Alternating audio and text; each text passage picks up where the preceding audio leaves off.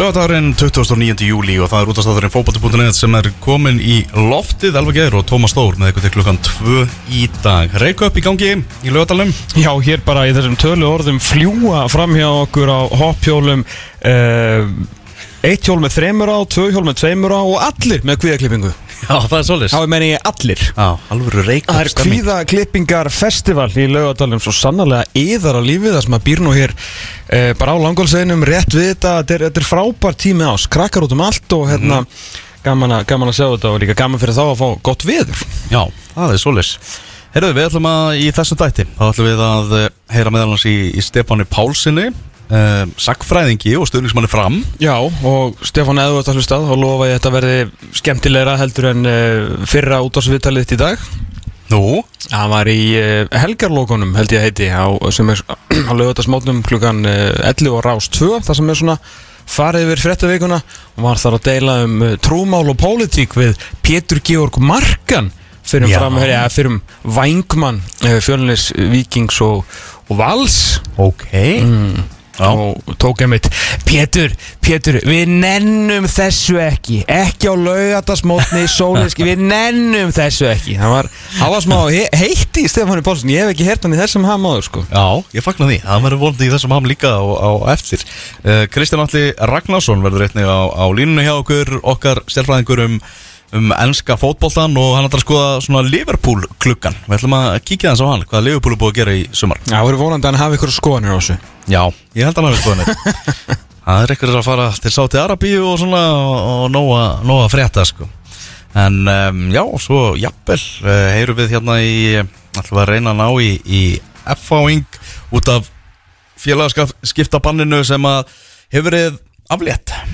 Já, það er uh, fátt sem hefur komið minna ávart á þessu sömri en að FH hafi ná að aflétta félagskiptabanni sínu. Þetta var einhvern veginn bara uh, ekki þessum klubbi sæmandi að vera í félagskiptabanni og þeir náttúrulega alla tíð frá bara fyrstu kröfu að hendi Morten Beck Gulsmith og, og lögmanni hans verið mjög ósáttir við það sem hefur verið borið eh, upp á það en þeir náttúrulega einhvern veginn uh, þurftu svo sannlega að uh, beigja sig undir það því að þeim var náttúrulega dæmdur sigur, eh, fyrir ekki dæmdur hérna, dæmt tap og Morten Beck, náttúrulega fullnaðar sigur uh, fyrir áfríðan og dómstól knæspundisambands Íslands. Þannig að það er svona verið áhugavert að Já. að væri gaman að heyra svona þeirra, þeirra teika á þessu og hvernig þeir hvernig þeir græðu þetta þegar maður svona fyrsta hugsun manns er náttúrulega einhver hafi bara rifið upp uh, vænasummu og, og græja þetta. Já Við erum að reyna að ná í eh, Viðar Halldórsson sem er náttúrulega bara formaður FH Já, það er rétt. Og bara og klúpsins í er heilsinni eiginlega bara FH er bara FH, bara hann og hans fjölskylda. Það er eiginlega svolítið tannleik en uh, við ætlum að byrja þetta á Evrópu. Og uh, förum svo þannig í bestudeldina og lengjudeldina byrjum á, á Káa í Evrópu á móti Döndalk, púpaliðinu góða sem er aftur við púpalið það er að því.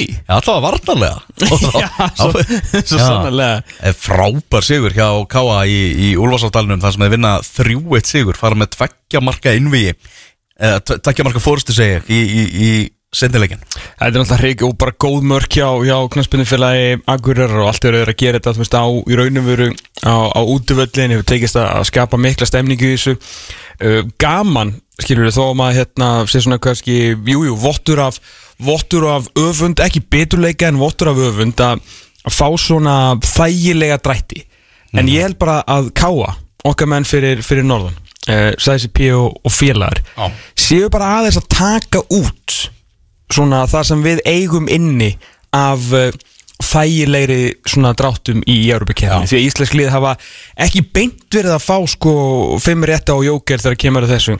Dinamo Zagreb, Ludogorets Raskat hérna, Ríka núna ég, veit ekki hvað og hvað síðust árna, alveg bara óþægilega góð fótballtalið sem íslensku liðin hafa verið að sem íslensku liðin hafa verið að spila við sem auðvitað stuðluðu náttúrulega af því auðvitað erum við, höfum verið hérna sjálfum okkur vestir í að trill okkur niður í hérna 50. og annað sæti og þurfa að taka þátt í hérna uh, Reykjöp fullorina að reyna að komast inn í fyrstum fyrir Champions League en nú það búið sem betur fer en þetta er náttúrulega líka búið að skipta svolítið máli þessi drættir sem við höfum verið að fá þetta hefur ekki verið gott og bara besta mála að káa á sínum fyrsta hérna Európa ári í háa herranstíð bara taki út smá hefni uh, og bara náttúrulega þeir líka bara sallin stigum fyrir hérna sem bara besta mál og gaman hérna fyrir þá og hjálpa aðeins til við reksturinn minna fyrsta um fyrir eins og Sævar sagði við okkur um daginn skiptir nú eiginlega ekki öllu málinu kannski sérstaklega ekki fyrir káa maður getur ímyndið sér að, að þeirra svona, þeirra Evrópuvegferð kosti aðeins meira heldur en hinna þar sem að þeir eru jú að spila í öðru bæjarfélagi Já. og hótelnætur eru ekki fríkeppis í Reykjavík frekar en annars staðar í Evrópu. Þannig að hérna bara mjög vel gert og bara góðu sigur saman hversu slagir döndarkmenn eru, er ekki búið samt þú veist, Írland, ég held að það verði allt annað allt annað skrimsli en, en þrjú eitt er, að, þetta er flott sko. Já, ég hérna, hitti Ískan Bladamann hérna eftir leikinn sem var að skrifa grein í, í dagbladana Vandalega ekki alveg mikið uppi á honum tepið og í, í kaplakrika hér um árið? Nei, heldur betur ekki. Og hann var með, svona, þú veist, byrjaði greinin á því að, að Döndalk þurfa að framkvæma eitthvað sérstakt til þess að geta komist áfram í þessu heimi. Mm. og það er bara staðan. Já, það, það er bara nákvæmlega stað Ég meina, FO, nei, afsakið Káa er bara með þetta einvi algjörlega í, í hendi sér og kannski góðu fréttinar að þeir sé ekki að fara núna í setni leikin í einhverja í grifju í Bosníu eða Svartfjötalandi eða eitthvað. Þetta verður svona vantilega mjög svona þægileg stemning á Írlandi. Mm uh, Öll mörkin í þessum leik komu í, í fyrri háleik Þessi fyrri háleikur voru klárlega bestu 45 mínútur káa á tímabilinu. -hmm. Bara hárri eftir tíma, tímapunkturinn til, til að hitta þær. Já, algjörlega, ekki, ekki nokkur einasta spurning og því voru bara virkilega góður hérna og bara gjössanlega kerðu uh, kerðu við döndalmenn sem hann alltaf vissu ekki bara hvað var raun og var að frétta en hálftíma. Voru rosalega skilvirkir. Alveg mjög svo, mjög svo þannig að þetta var bara æðisluðu sigur hjá káaliðinu sem að er einhvern veginn búið að ná svona undarfærin með við síðustu hvað var að segja 2-3 ár is nána sínum legstu læðum og sínum hæstu hæðum þannig séð, ég veitir enduð í öðru sett og síðasta tímbili skiptingum máli því að veist, þetta var bara einhvers konar keppni um ekki neitt, þannig séð þegar náttúrulega bleika var löngu búin að stinga af og keppnin var ekki mikil, þeir voru alltaf öryggi með Evropasæti og, uh, og því um líkt. En núna einhvern veginn eiga er uh, hérna náttúrulega, þú veist, þessi, þessi byggar vegferð þeirra og síðan þetta. Þannig að þetta er búið að vera svona upp og neðu tímbil hjá þeim. En þeir eru svo sannarlega núna þegar að á reynir eru þeir að gera vel. Og nú náttúrulega líka á milli Európa-líkina var erfitt að fá þessi þrjú mörgum í keflaði sem áttúrulega geta keft sér mark upp á síkasti en, en þrjú stig þar og það skiptir máli líka. Mm. Hérna, ég mætti á hana leik og, og ég var svona í kantinum á, á stúkunni. Já, og sérstaklega skemmtilegu fyrri hálfleikurinn það sem að maður svona, maður heyrði allt sem að Rannarbjörn Stengrimsson hægri bakkur var, var að segja og allt það. Mm.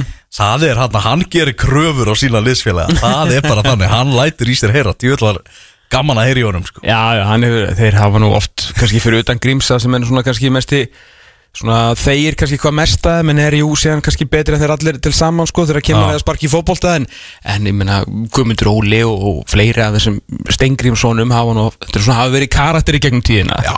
hann var litað svona norrlæðis knaspurnulíf fögrum litum und, undanfærina ára tugi heila verður maður að segja Já, maður sá bara að, hann var bara í svo miklum Evrópugýr, Já. hann ætlaði að vinna þennan leik og ekkert annað og hann var að láta menn heyra það hægri vinstri sko. Það er náttúrulega í svona leikjum sem að kannski, ég meina, hann er ekkit endilega sérstaklega komandir inn tímbili eitthvað örugum með sætið sitt og langt í frá að kannski mm. sem jafnvel bara svona dottin út úr þessu ef, ef að Káa gæti stilt upp hóli móli og alltaf það gengi upp með félagaskiptinu og svona en um, svo koma svona leikir sem þú þarf þú þarf kannski ekki endilega þú veist, töframann á boltanum þetta er bara, þeir eru í nýju verkefni og nýjum stað, þá kemur bara veist, hranna björn og stígur upp í raun og bara svona andlega og bara svona drífandi og þetta skiptir, svona hlutir skipta líka máli í svona leikjum sko. Já, algjörlega, hann, hann, hann er náttúrulega bara, þú veist, þú verður ekkert 100% aftur hann, hann Nei, nei. Svona bara er að glíma við meðsli hnið og sagði bara hnið verður ekkert 100% aftur Einmitt. En að hafa svona karakter í svona leikjum er bara gulls í gildi Já, svo sannlega Það er bara þannig Það var hérna svona maður hjælta og síndist það að það væri sko púra rángstaða hérna í uh, hvað öðru markinu hjá Káa, minnum mig. Og Já, þarna þegar hann að halda sér á hérna miðunni já, en hann, það var hárrétt. Bingo í sal hjá aðstofdómarunum frábælega gert. Búlgarska þegar, þegar hann var já, hinum megin við miðurlínuna Já Þetta, þetta, þetta var vel næst hjá hann sko. Ah, Þarna Hvernig er það samt að ég sá hérna Maggi Bö, hérna mikill svona pjúristi þegar kemur að, að fótbolta vill náttúrulega bara gras og ekkert var. Já. eh, var svona komið svona punkt á, á Twitter sá ég að hann var ánæði með þessa dóngjastlu þetta er náttúrulega dómæri líka hérna, uh, að ef að hérna, var ruslið eins og hann orðaði það hefði verið uh, Við líðið þá hefði einhvern veginn verið hægt að finna hann rángstæðan með við það, þú veist, eitthvað öxl eða handakriki, þú veist hvernig þetta er búið að vera. Já, Þegar þú ekki, veistu hvernig það er, ef þú ekki baráttinu raun og veru, ef það ekki verið að úrskurða hvort þú setur rángstæðar með við annan mann þegar við erum að tala um tæra og eitthvað svona. Ef þú ert með við miðjulínuna já. skipta fæturnin þá bara máli þú veist, máttu hallaður gjörsamlega yfir línuna, þú veist, er línan maður? Veistu þetta? það, Já, og þú veist, þú er maðurinn bolti Þú veist, þá er boltin að vera komin allur Já, einmitt, ef að þú er bara að skilja, ef að þú og boltinn eru klálega fyrir innan lína, auðvitað er náttúrulega boltinn þegar sendi ekki kemur, ef að þú stendur bara með báðafætu fyrir aftan miðlínuna, það er bara klárlega fyrir aftan miðlínuna, ef þú hallar alveg klálega yfir hennar, þannig að þú veist, öxlin og það sem að þú er byrjað, það sem byrjað að dæma þig út frá rángstöðu, er mjög augljóslega og er þið bara séð með var, þú veist, fyrir innan miðuna, er það rángstöða, þú veist, telur línan það saman maður? Það er góð spurning, sko. Ég verði til að vita þetta, sko. Það er- það er bara postkassin Robin Ég segi það, klukkan 12.13 og þetta mér ekki ennþá borðis bref, sko. Nei, það er mjög skrítið Það var ótrúlegt. Þú eru komin með bref fyrir þátt síðast Já. Og, enduðum held ég líka á brefi Já. Þarna Jóhann Simon Edmundsson kom inn á í, í þessum leik Mm.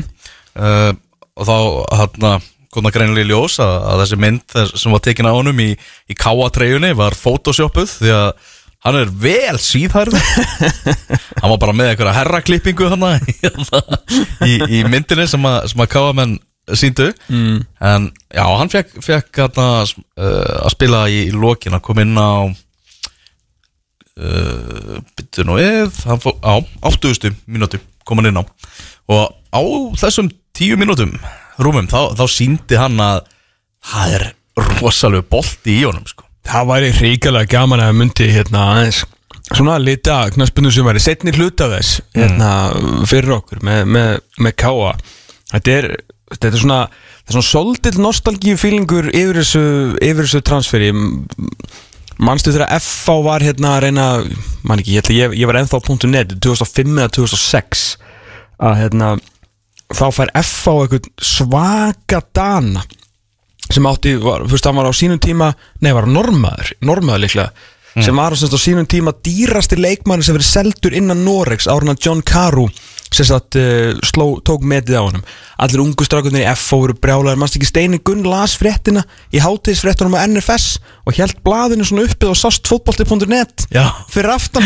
Ég man ekki bara ekki hvað hann hét sko, að hérna, veist að fá okkur svona gamlan jálk sem er svona klálega á, á síðustu metrunum. Það er nostalgi yfir þessu en þú veist samt sem aður að hann er áhandla alvöru karriera baki hann hefur verið mjög fróld að sjá hvað hann gerir fyrir, fyrir K og eins og segir, það, við veitum alveg hann á bolta en svo náttúrulega kemur alltaf á endanum í ljós hversu mikið menn eru í alveg að nenna þessu og hversu mikið eh, þeir eru að hugsa um að fá smá vasapenning Já, það er þannig.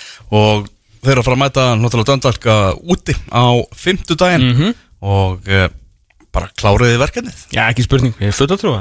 Með þeir eru að spila þessa dagana? Já, þeir eru búin að vera alveg þrjusu flottir Því hennar bara enga áhyggjur af þeim í raun og veru að þeir eru alltaf að fara að skora. Já, Þannig að þú veist, þeir eru alveg góður já.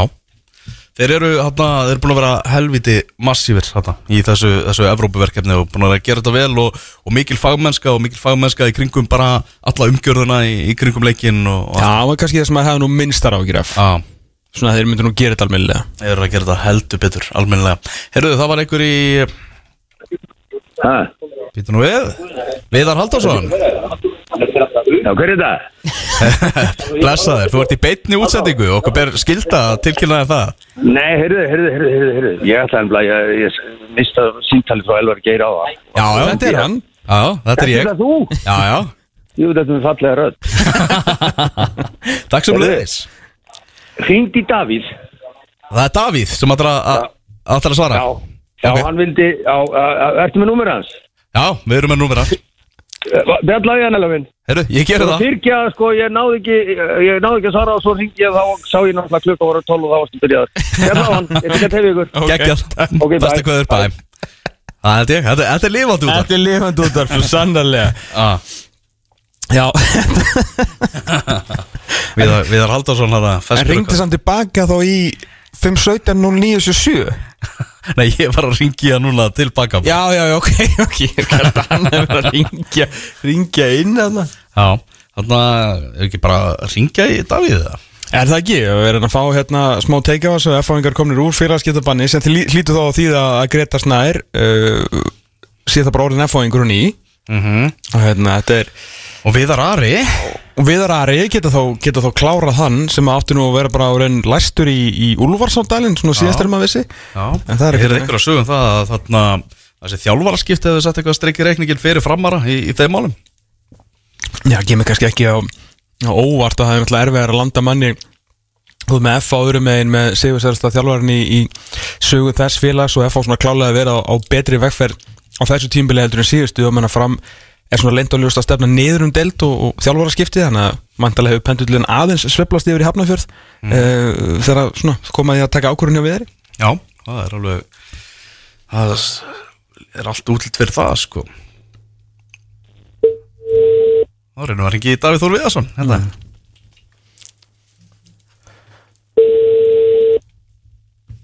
Spennandi. Þetta er spennandi Já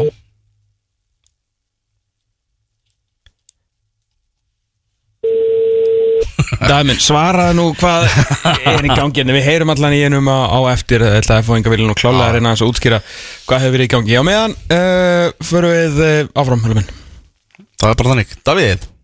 Já, Já, hann er komin Hann er kominn. Hann er komin á línuna, Davíð Þór Viðarsson. Þú ert í beinni útsendingu það er hvernig meira enn ég minna Nei. meira enn ég minna Við Við bara ringdum í pappaðin og hann sagði uh, ringdi Davíð þannig að við bara hlýðum eins og þú hefur gert í gegnum tíðina Já, það er komin tíma að hérna, það er ágætt að hans ég fann að hlusta á mig.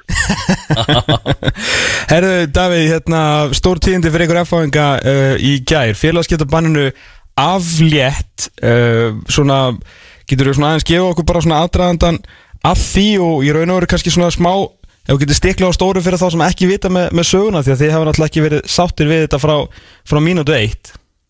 Nei, ég held að, að hérna, það er ekki launung að við höfum ekki verið ánægð með hvernig, hvernig e, þessum máli hefur verið háttað. Og ég held kannski að það allra mikilvægast í þessu er kannski það og, og það sem fólk kannski ekki allir allavega nátt að segja á að, að það í þessu máli að þá var þetta aldrei spurning um hvort að við skuldum Morten Beck eitthvað pening það sem að við vorum búin að gera upp við hann.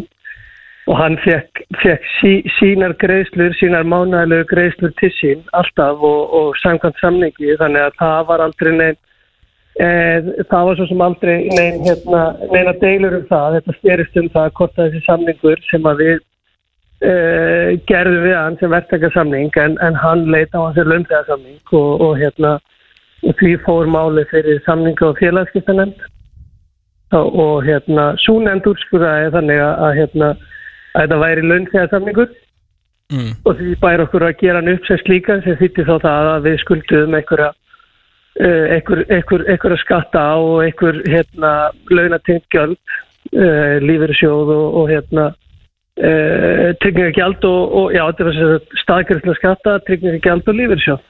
Og er, eru það þessar 24,3 miljónir? Er það bara skattar og dráttavextir og, og eitthvað þým lítið? já, þú talaði náttúrulega, þú veist, ekki, ekki nála því sem að við Nei, þú veist sem að að við, það er hérna- bara í domnum eða þú veist krafana sem Já, já, já, það er basically að, að, að, það er krafa frá, frá Morten um greiðslu á því. Já, og samkvæmt einhverjum útreikningum frá, frá hans hlið mhm uh, og hérna Þegar En- fyrir ekki að þið segir launakröfu upp á 17,5 miljónir já, er, er hann þá að segja að er hann þá ósamúl ykkur að það hefur verið gert upp við hann? Er það bara að þið segir sko laun upp á 17 pluss dráttavexti og launa hérna Nei, eitthvað hann, basically, hann basically er að kalla laun uh, hans fólk er að kalla laun uh, það er stakrisla skatta tryggingjald og, og, hérna, og lífursjóður þannig að hérna, Alright. það er það sem hann er þannig að, að þú veist, það er aldrei og þetta er náttúrulega það sem er búið að vera svo erfitt við þetta mál og rugglingur við þetta mála að, þú veist, að, hérna, sem er kannski ekkert skrítið að fólk haldi að, við höfum skulda honum eitthvað persónulega sem var, var bara ekki rétt. Uh, en, en eins og ég segi, nefndin samling og félagskipta nefnd eh, það sem eru þrýra aðilar í, í þeirri nefnd og þar uh, er einn aðili þeirra nefndar ekki löglærður. Hún tekur þessu ákvörðu Mhm.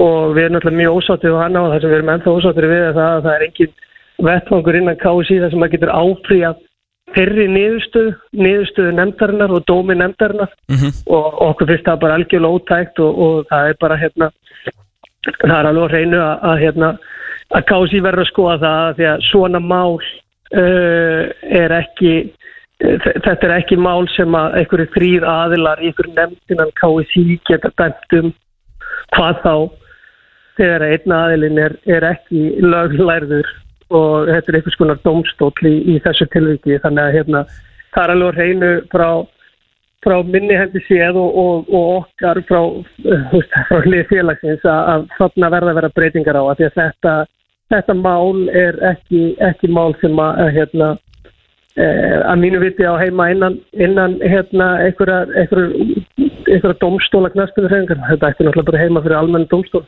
Þetta fer aldrei fyrir almenna domstólum en þetta endar hjá áfríðan domstólum sem að sam, eða sem þetta raunur staðfestir úrskurð hérna samningarnemndar, ekki? Nei, nei, þetta er sko úrskurðu samning og félagskiptunemndar er endalögur Já. Þannig að það er ekki þetta áfríð honum. Ok. Eh, síðan þegar að hérna, við náttúrulega erum ekki sáttu við þessa niðurstöðu og gerum ekkert með þessa niðurstöðu Nei.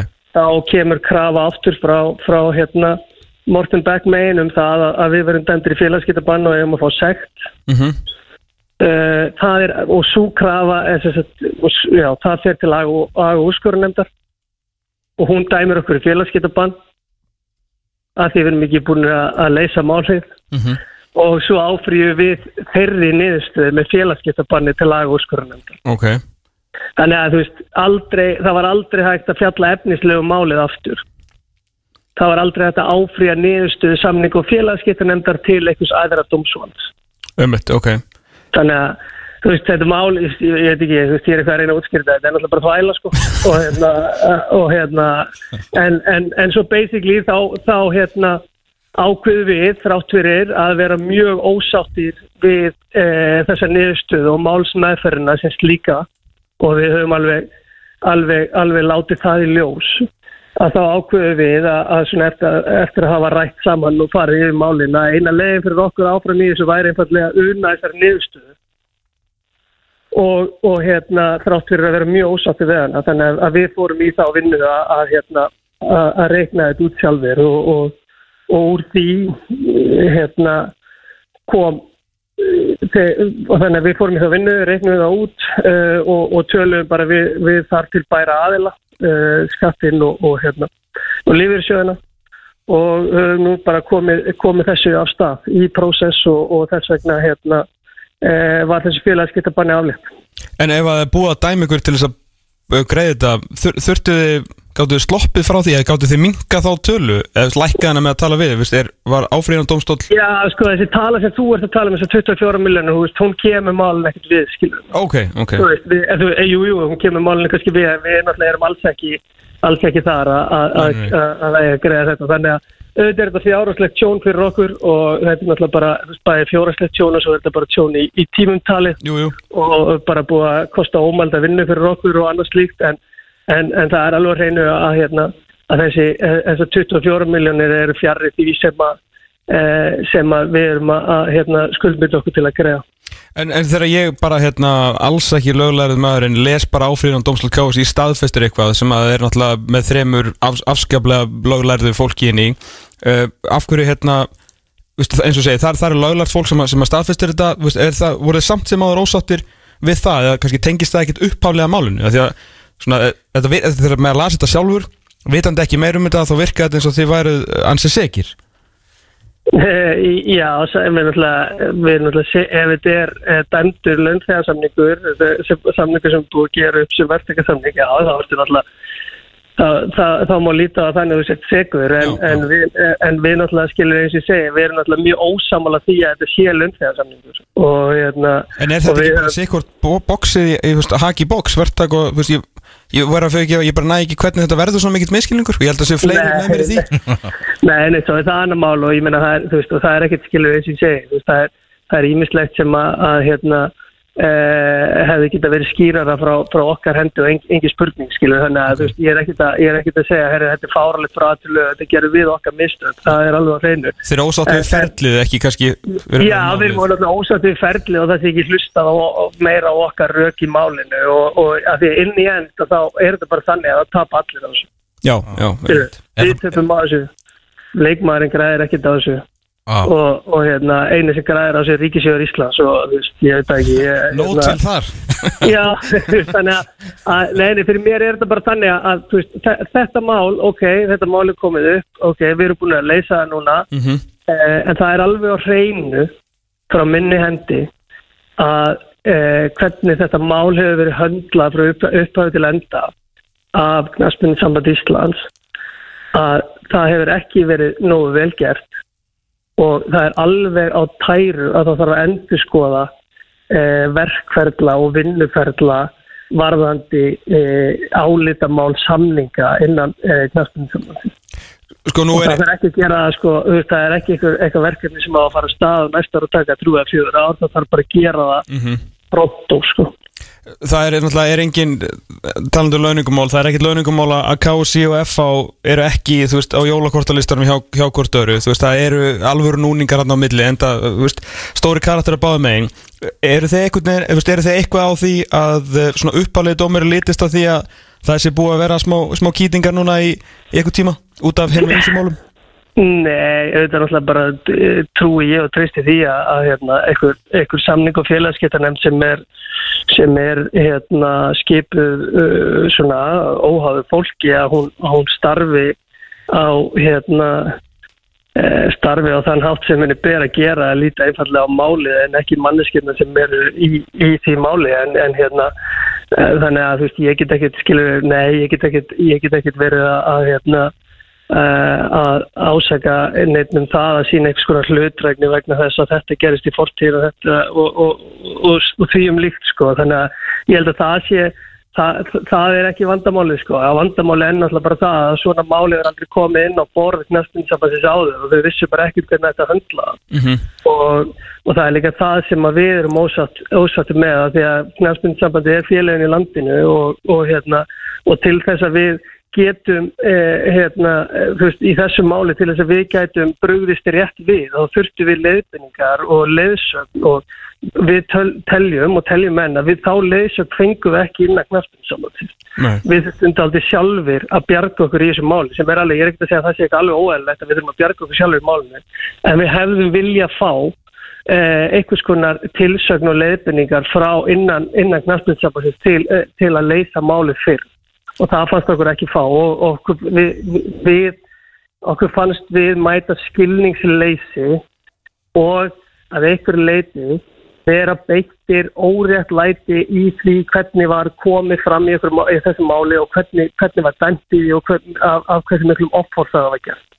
Það var aldrei neinn farin einn leið innan sambandis að reyna að leysa máli með okkur þar og það er maður ósattu við. Og, og hérna, þú veist, þetta snýst ekkert um einhverja personur og leikendur eða neitt svoleiðis og jújú, knastum sambandi að erfa hafa stundi verið ósátt og það eru stóri karakter að báða megin og allt í lagi með það.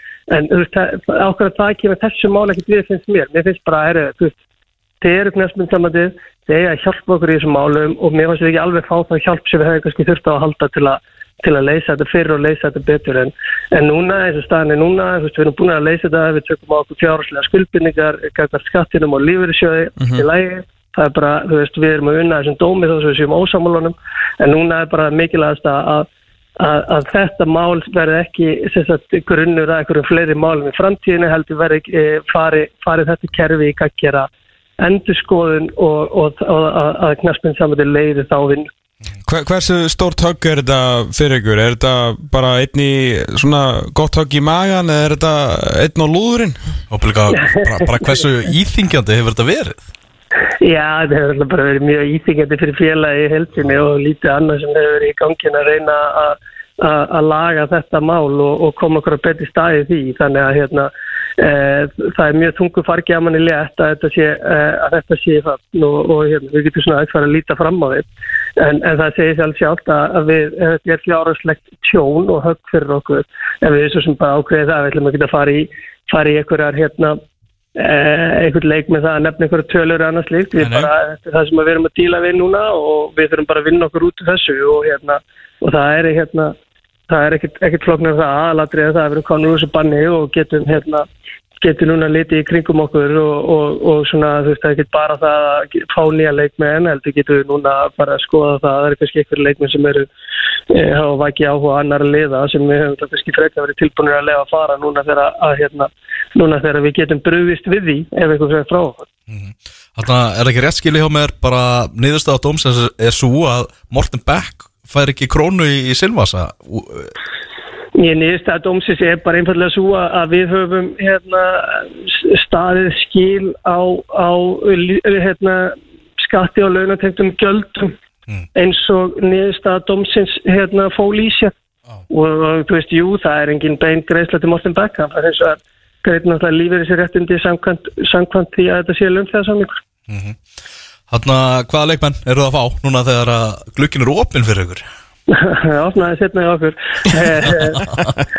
Nei, við erum bara sko, við erum búin að vera að skoða málinn og, og vonandi bara, þú veist, núna á næstu, næstu tveimur, þreimur sólarengum getum við, hérna, getum við e, svona sett staðfest í, í svega hjá, hjá kannski einum til tveimur, tveimur leikmennum en, en við erum svo sem ekkert að fara við erum ekkert að fara að- kaupa nýtt lið, við erum mjög ánægð með hvernig við höfum spilað í sumar og svo að, að við höfum kannski aðeins mistampin undarfarna leiki að, þá er það bara eitthvað sem maður getur gæst og, og hérna, ég veit að það er bara mjög mikil hugur í mönnum að að snúa því gengi við strax á, á mánudaginn og, og hérna þannig að en, en, en að sjálfsögðu við erum aðeins að skoða nokkar möguleika og vonandi klára, klárast það bara sem, sem fyrst. Viðar Ari og Greta Snær eru þessi 1-2 leikmenn sem við erum að tala um Já, já, við erum og Greta Snæri eru tveir leikmenni sem við höfum áhuga á sko. Og, hérna, og, og, og það er svo sem bara kemur í ljós hvort að, hérna, hvort að það gangi eftir núna á, á næstu, næstu tveimur sólarhengum Súper, Davíð Þór Veðarsson, maður knaspunumála Já, F.A. takk hjálpa fyrir spjallið og til hamingi vera, með að vera komin á félagskiptamarkaðinu ný. Herra, Þakka að kella fyrir þú bara hérna, eigið góða helgi. Sem við Sömuleiðis. leiðum Já, það er Þór Viðarsson, nefnmaður fótballtamála hjá fimmleikafélagi Hafnafjörðar sem að þetta var á línunni. Og eh, já, þeir eru komnir á markaðin F-fáingar Já, ég er engu nær samt Hvað var að gera þannig? En ég vona að þið hafi skilið þetta.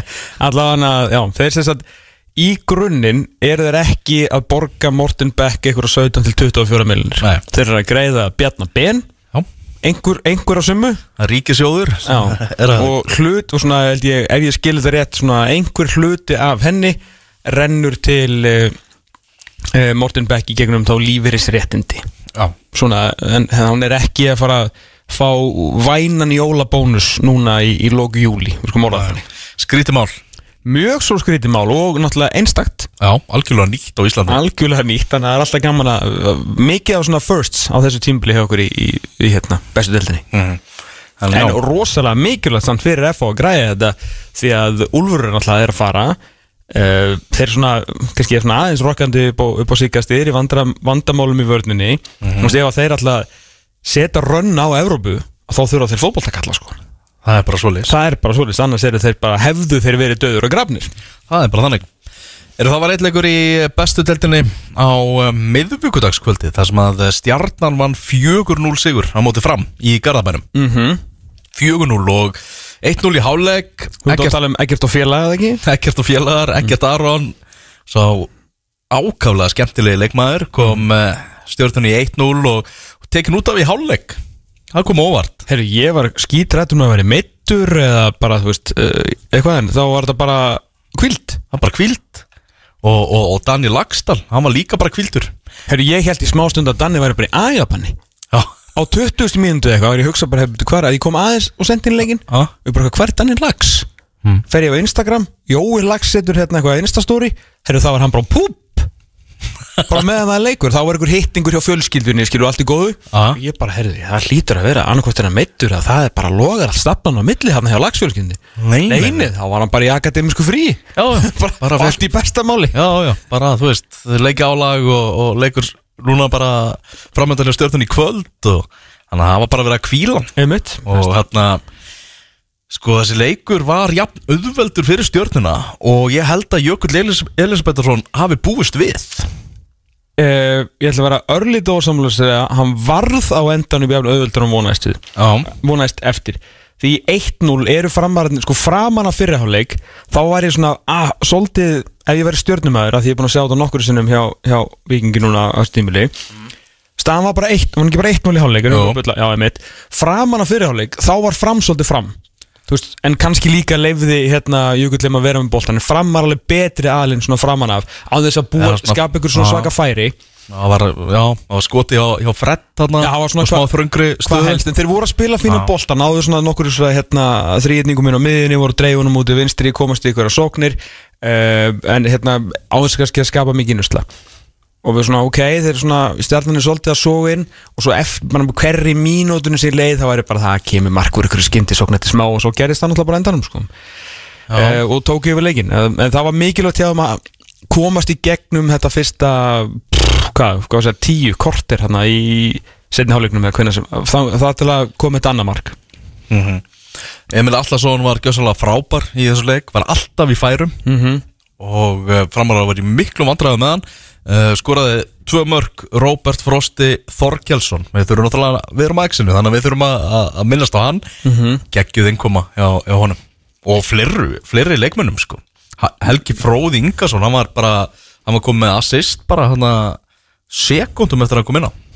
Já, já, já, og hérna við voru bara allir góður þú veist, það, var bara, það var erfitt að finna einhvern í, í stjórnuleginu sem var ekki góður í þessum leik. Það er þannig. Róbert náttúrulega bara freda á marki hérna með vinstri og, og fyrir að varnamann ekki, voru ekki tvö fyrstu markina að veist, svona að lánleysi framar líka algjört. Já.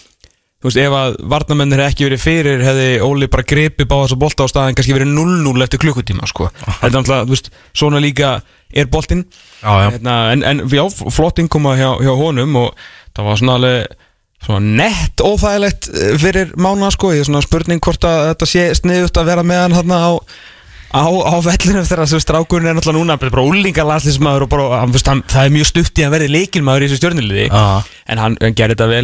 Aftur á móti en Þetta myndi maður að uh, Robby Savage var að lýsa mástu þegar að sonur hans kom inn á í fyrsta sinn fyrir Manchester United. Já, já, já, já, algjörlega. Þú veist, þetta er Þú veist, við, við elskum Mána og höfum alltaf gert uh, hérna, En þetta er, alveg eins og með, með Gumma og Albert Þegar hann var, ég held að Albert að ætla hann að koma inn á þegar Gummi var að lýsa hérna þegar stöð tvöum leikina.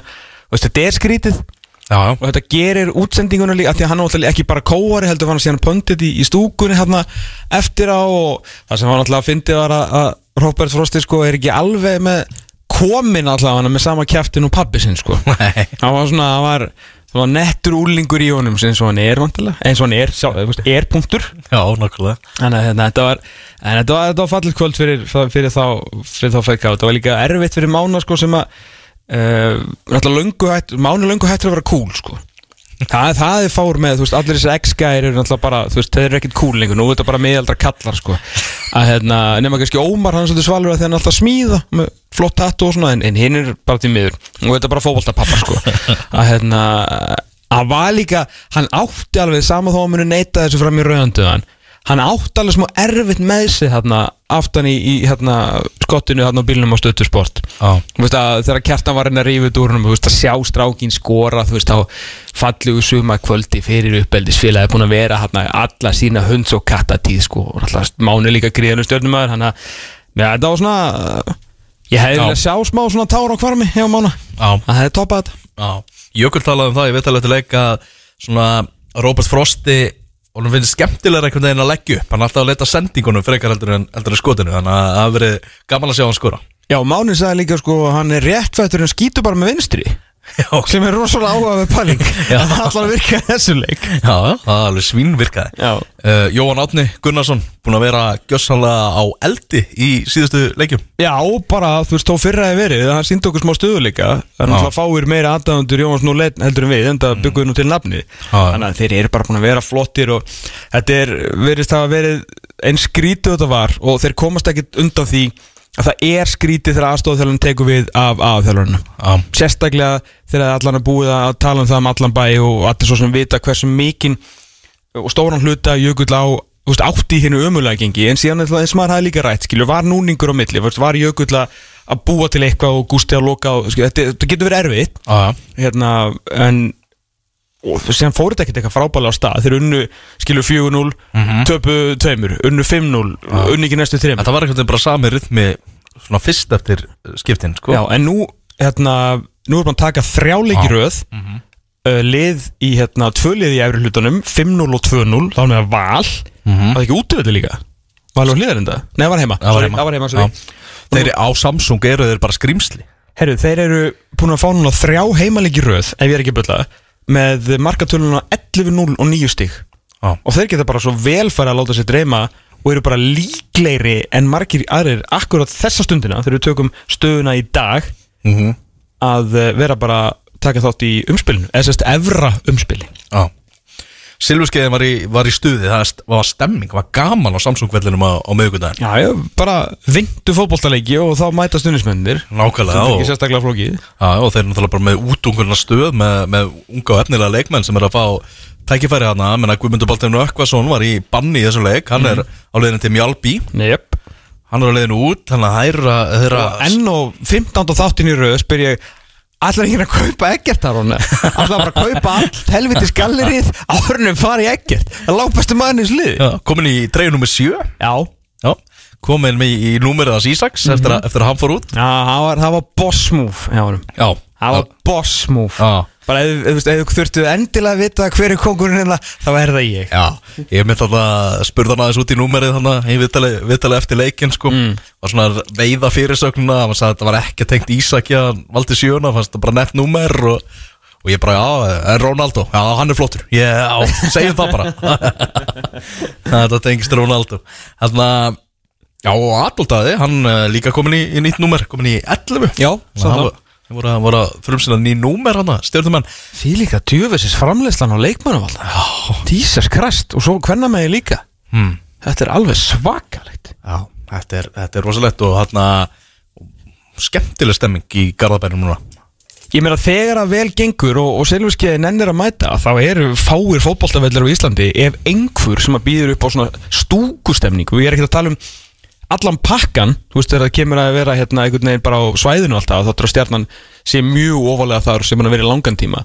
En bara frá bara uppásflötu til lokaflöts þegar það er gaman í garðabænum er einhver völlur sem að býður upp á betri stemningu? Nei, ég held ekki. Nei, svona frá leik til leik til leiks. Nei. Það, það er bara horrið að þér. Ég held það ég... Þarna maður sem ég vil líka rosa sem hefur fengið mikla gaggrinni í, í þessum þætti Átni Snær Ólafsson, markmaður Hann er búin að vera frábær í síðustu leik Já, meina, veist, ég held ég hef aldrei séð Átnarsnæði Ólafsson halda hreinu tvo leiki í röð, valla einn leiki í röð hvað þá þrjá leiki í röð. Þannig að já, algjörlega, að bara það þarf að hrósa þeim sem að e, hrósa eða skilið og hann er svo sannarlega þar núna. Já, heldur betur. Halli Björns byrjar að, að taka þátt í æfingum Þannig að hann er svona að að mæta. Já, já, bara flottur liðstjóri á bekknum og verður það vantilega bara út tímabilið og svo fara þeir í myndi ég halda markvara samkefni fyrir, fyrir næstu leiti sem bara holtur lið? Já, heldur betur. Uh, Förum þá í hitlið sem var að spila þennan leik uh, Framar. Púf Það var gaman í fyrra með þér? Já, og menna, þau eru hættir að skora mörg.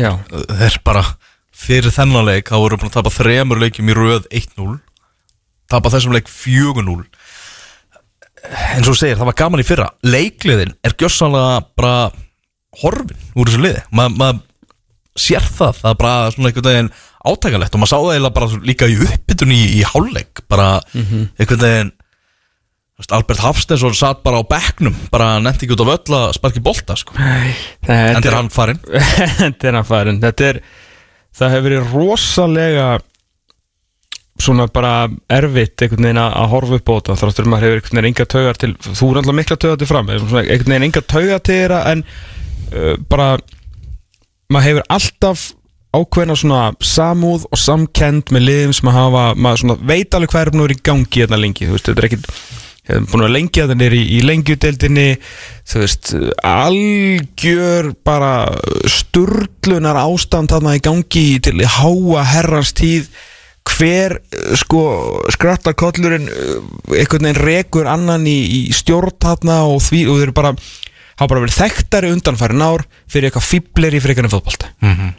svo bara á einhverju tímpúndi er bara tekin þessi snildar ákvörðum að ráða Jón Svensson og bara þetta bara snýst við. Já, gjörsalega snýst við. Þeir er alltaf áfram að spila skemmtilega fótbolta nema þeir verða bara miklu betri fara aftur í Savamýrina það er bara hver ákvörðunin hver er annari betri.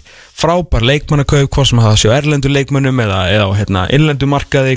Að íta sínum strákum upp pakka saman lengjumdeldinni koma á loksins aftur upp eiga frábært uppástífambil bara frábært, ótrúlega skemmtilegi skora vild og meiri sér framan á þessar leiti þráttur kannski ekkert alltaf á einhverju úrslit var maður alltaf bara, þetta er alltaf skemmtilegt.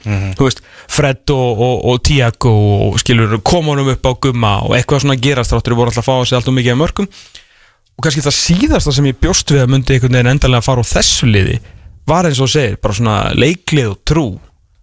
Og þegar það er farið að þá eins stórkostlega skrítið og furðulegt er að sjá eftir nonna með hvað hann er búin að gera fyrir sitt félag. Aftur eftir að unnið alltaf þú veist 12 titla á skilur 20 ára ferli eða eitthvað að, að fá svona það er erfitt að réttlega held ég sem stjórnarmæður að halda þjálfarnum fyrir að svona rosalega lítil tiltrúður liðinu sko. ég, ég held ég, ég bara þáttur þetta hefur verið, ég ætla að giska á að þetta verið þingrið tárin tæki að, að láta hann fara sko. Já, og uh, en ég meina þú veist, hann fer sem góðsöks sem þjálfari eins og sem leikmaður sko. og rúmlega það sko Já. hann verður ekki dæmdur af síðustu sex leikjum eða síðustu sjö leikjum sko. það er allt sem hann gerði þeir voru nærði að fara í aðra delt heldur en sko sjö, nei, áttundasæti bestu delt í fyrra þegar hann tekur við. Já, þarna hefur alltaf verið sko rosalega faglegur í, í samskiptum við fjölmiðla og allt það. Og það er líka gengið nánast vel frá hann tók er þess, vegna, fannst mér einmitt skrítið þegar að hann uh, hann var bara farin úr garðabænum þegar ég var að leita að honum um alla byggingu. Já, og ég ætla ekki að réttlega og mun aldrei gera það Já. en bara að þú setur aðeins í hans spór að þetta er ekki gæi sem er uppalinn í fjölunni eða káer, káa eða höfni hotnafyrir og þetta er frammari eitt mesti frammari svo finnur að þjálfa uppbyldisklúbu sinn og bara þú þú þetta særi hann miklu meira heldur en marga er í liðinu Já. en að sjálfsögða hann að mæta en ég held að þetta sé bara sé bara mjög erfitt fyrir hann. Já, það er bara auðvelt að lesa, lesa í það. Já. Já, það er þannig hann að ræðum meira um þjálfaraskiptin bara rétt á eftir þegar við ringjum í, í Stefán Pálsson. Uh, Það leikur í kvöld þar sem að 18.15 breyðablík stjarnan. Væga satt áhugaveruleikur í ljósi svona gengis peggja lið upp á, á Hvernig síkast heldur þetta að fari? sko ef að ef að breyðablík er þetta í Kóboi Já, Já, ef að breyðablík hefði tapað með einu marki fyrir uh, saminuðu liði Kaupmannhafnar og nágrinnis að þá hefði ég spáð stjörninni stíi ef ekki stígum en ég uh, það fer svolítið eftir liðinu og stemningunni í, í blikum, þú veist hversu mikið eru þeir búin að gefast upp? Ég, ég fyrir ekki þeim alveg að þeir ætla bara að tanka setni leiknum sko, bara, og mér finnst það bara alltaf lægi þegar þeir eru að fara í verkefni í, í næstu umferð sem er, al, er mjög erfitt en það er ekki óyfirstíðanlegt þannig að svona svolítið pick your battles þeir megi ekki tapa stigum í þessari bardu í þessast tím, eða ætla að nýta þennan meðbyr og vinna Íslandsmeistartitilinn uh, þeir megi ekki vera þú veist, megi ekki keira of hart á liðinu eða ætla einhvern veginn að reyna þetta mútið FCK svo þurfa að spila og vera sem þreytir í umfyrinu eftir það í Europadildinni þannig að þetta er svona það er meiri gangi í haustum á þeim og meðan stjarnan getur bara mætt þarna með alla ljósari strákana og einhvern veginn kerta á þetta. Já. þetta er miklu auðveldra verkefni fyrir Jökul Ingarsson Elisabethsson heldur en Óskar Rapp Þorvaldsson í kvöld sko. svona hvað var þar mannaval og, og pepp og svona. Algjörlega rétt. En, en já, þess vegna á ég erfitt með ég get eða ekki séð fyrir en ég sé byrjunlið hvað Óskar er að hugsa og þá, þá skal ég koma með spá í mig þá. Já, ég bjalla. Uh, K.A.H.K. verður á, morgun klukkan fjögur. K.A. menn náttúrulega í miðju Evrópu ævintýri, hún getur bara sagt það. Já, og eiga, hérna Þú hvað er aftur að fara í næst? Dóndalsk úti Já, Já, það er svona leikur þeir með ekkert frá kvíla, sko Þeir eru ekki það góður að þeir geti farið til Írlands bara og sett fjóra á bekkin Þannig að þetta er, ef að háka allar vinna fótbollaleik á útivelli gegn topp fjórili í þessari deild, þá er það í dag, sko. Já, á morgun. Já. Víkingur Íbje Vaff Hvernig líst þér á að fá eigamenn í heimsókn? Bara vel, ég væri bara til í hérna eina dómirandi farmistöðu frá Vingum Ég er Já. bara en drullu þreyttur. Maður er hann svo ótrúlega góðu vanum með þetta fótballtalið Ég er hann rosalega þreyttur að vera alltaf með bara hjartað í, í, í raskatinu síðasta korter í öllum leikjum þegar það er engin þorf á. Já Keflaði F.A. á mánudaginn og uh, á sama tíma er uh, K.R. Valur á meistaraföllum Það er Þetta er áhugaverð Nostalgíuleikur. Káur Valur á grasi. Káir valur á grassi Það er bara þannig. Nostalgían hjá, hjá Arnari Gunnlaugsson Er það þarna Já, talað um Káir Theodor Elmar Bjarnason uh, Þungaviktin Kristján Óli að tala um það að hann sé ykkur svona launadelum við Káiringa eða um hann nýja samning. Ok. Uh, Já, veit ekki um það En þetta Nei. er náttúrulega búið að vera svolítið skrítið Hvernig hann er uh, fjara, fjarað á bekkin Og að vona að þetta fara hún ekki í sama Stappið og, og Kjartan Henry. Ég meina Þú vilt einhvern veginn hafa þessa menn sem káringa til framtíðan Náttúrulega Kjartan Henry þarna, Ég heyrði nú endar eitthvað um daginn að Þetta hefði ekki verið eitthvað svona uh, Hann hefði ekki verið að neyta káir Hann um átt að fá Einhverja viðurkenningu? Já. Að það ekki verið gert ykkur svona illindi að því að þú veist, þólir á ekki eitthvað. Þetta var bara, þú veist, þeir komið vel á sent að borðinu til þess að því, að bara fónum fast skrítið að þetta er einhvern veginn bara rættu þegar menn að vera að klæða sig í skóna. Og hann var einhvern veginn komið, þú veist, eru talað með hann daginn áður. Ekkert mál, sko. Ég skil það vel. Að hann, já, þetta, þetta, og hún fannst það eiginlega bara tímasetningi svolítið skrítin meira heldur en að hann sé, þó hann sé vissulega ekki kátur með hvernig fór að þá held ég að hann hefði nú alltaf tekið svona viðurkenningu ef þetta hefði svona verið aðeins betur undirbúið. Sama hvað, að, þá svona kannski óþar að vera með góðsögn í, hvað var að segja í, í, deilum eða ykkur svona vesinni svona ár, ár eftir ár sko. Þetta er svona, sérstaklega meðan, líka bara meðan vel gengur Já. En þar að segja, Rúnar Kristjánsson er að vinna fótballtæleiki með, þú veist, Elmar svona í öðru hlutverki þannig að Rúnar er allan með svona á sig erminni akkurat núna sem að eru bara stíin þrjú sem hann er að taka í hverju leik sko. Mm, Já, það er þannig. Byrnir Snæður, framlengdi við Viking mm. En svo Arnar Gunnlaugsson saði réttilega Hann var í afskaplega góðri samningastöðu Hann, hann Byrnir Herru, þetta ég hefði svolítið ég hef gaman að þessu ekki. Sætast stelpan á ballinu. Svo sannlega ég, Manst þú, ég væri til ég var einhver hlustandi mann og nennir að senda ykkur bref Eftir öðru eins bara NFL ævintýri. Því að þetta er náttúrulega bara, ég hef aldrei séð Ég man ekki eftir öðru eins kontraktýr hjá leikmanni. Já, Sko, í bandaríkjanum er þetta mikið þannig að menn, sko Það skiptir engu máli hvað þú hefur gert á þínu ferli. Engu, ekki einu svona í síðustu 2-3 ár. Af því að þetta er bara, þú veist, what have you done for me lately bransi.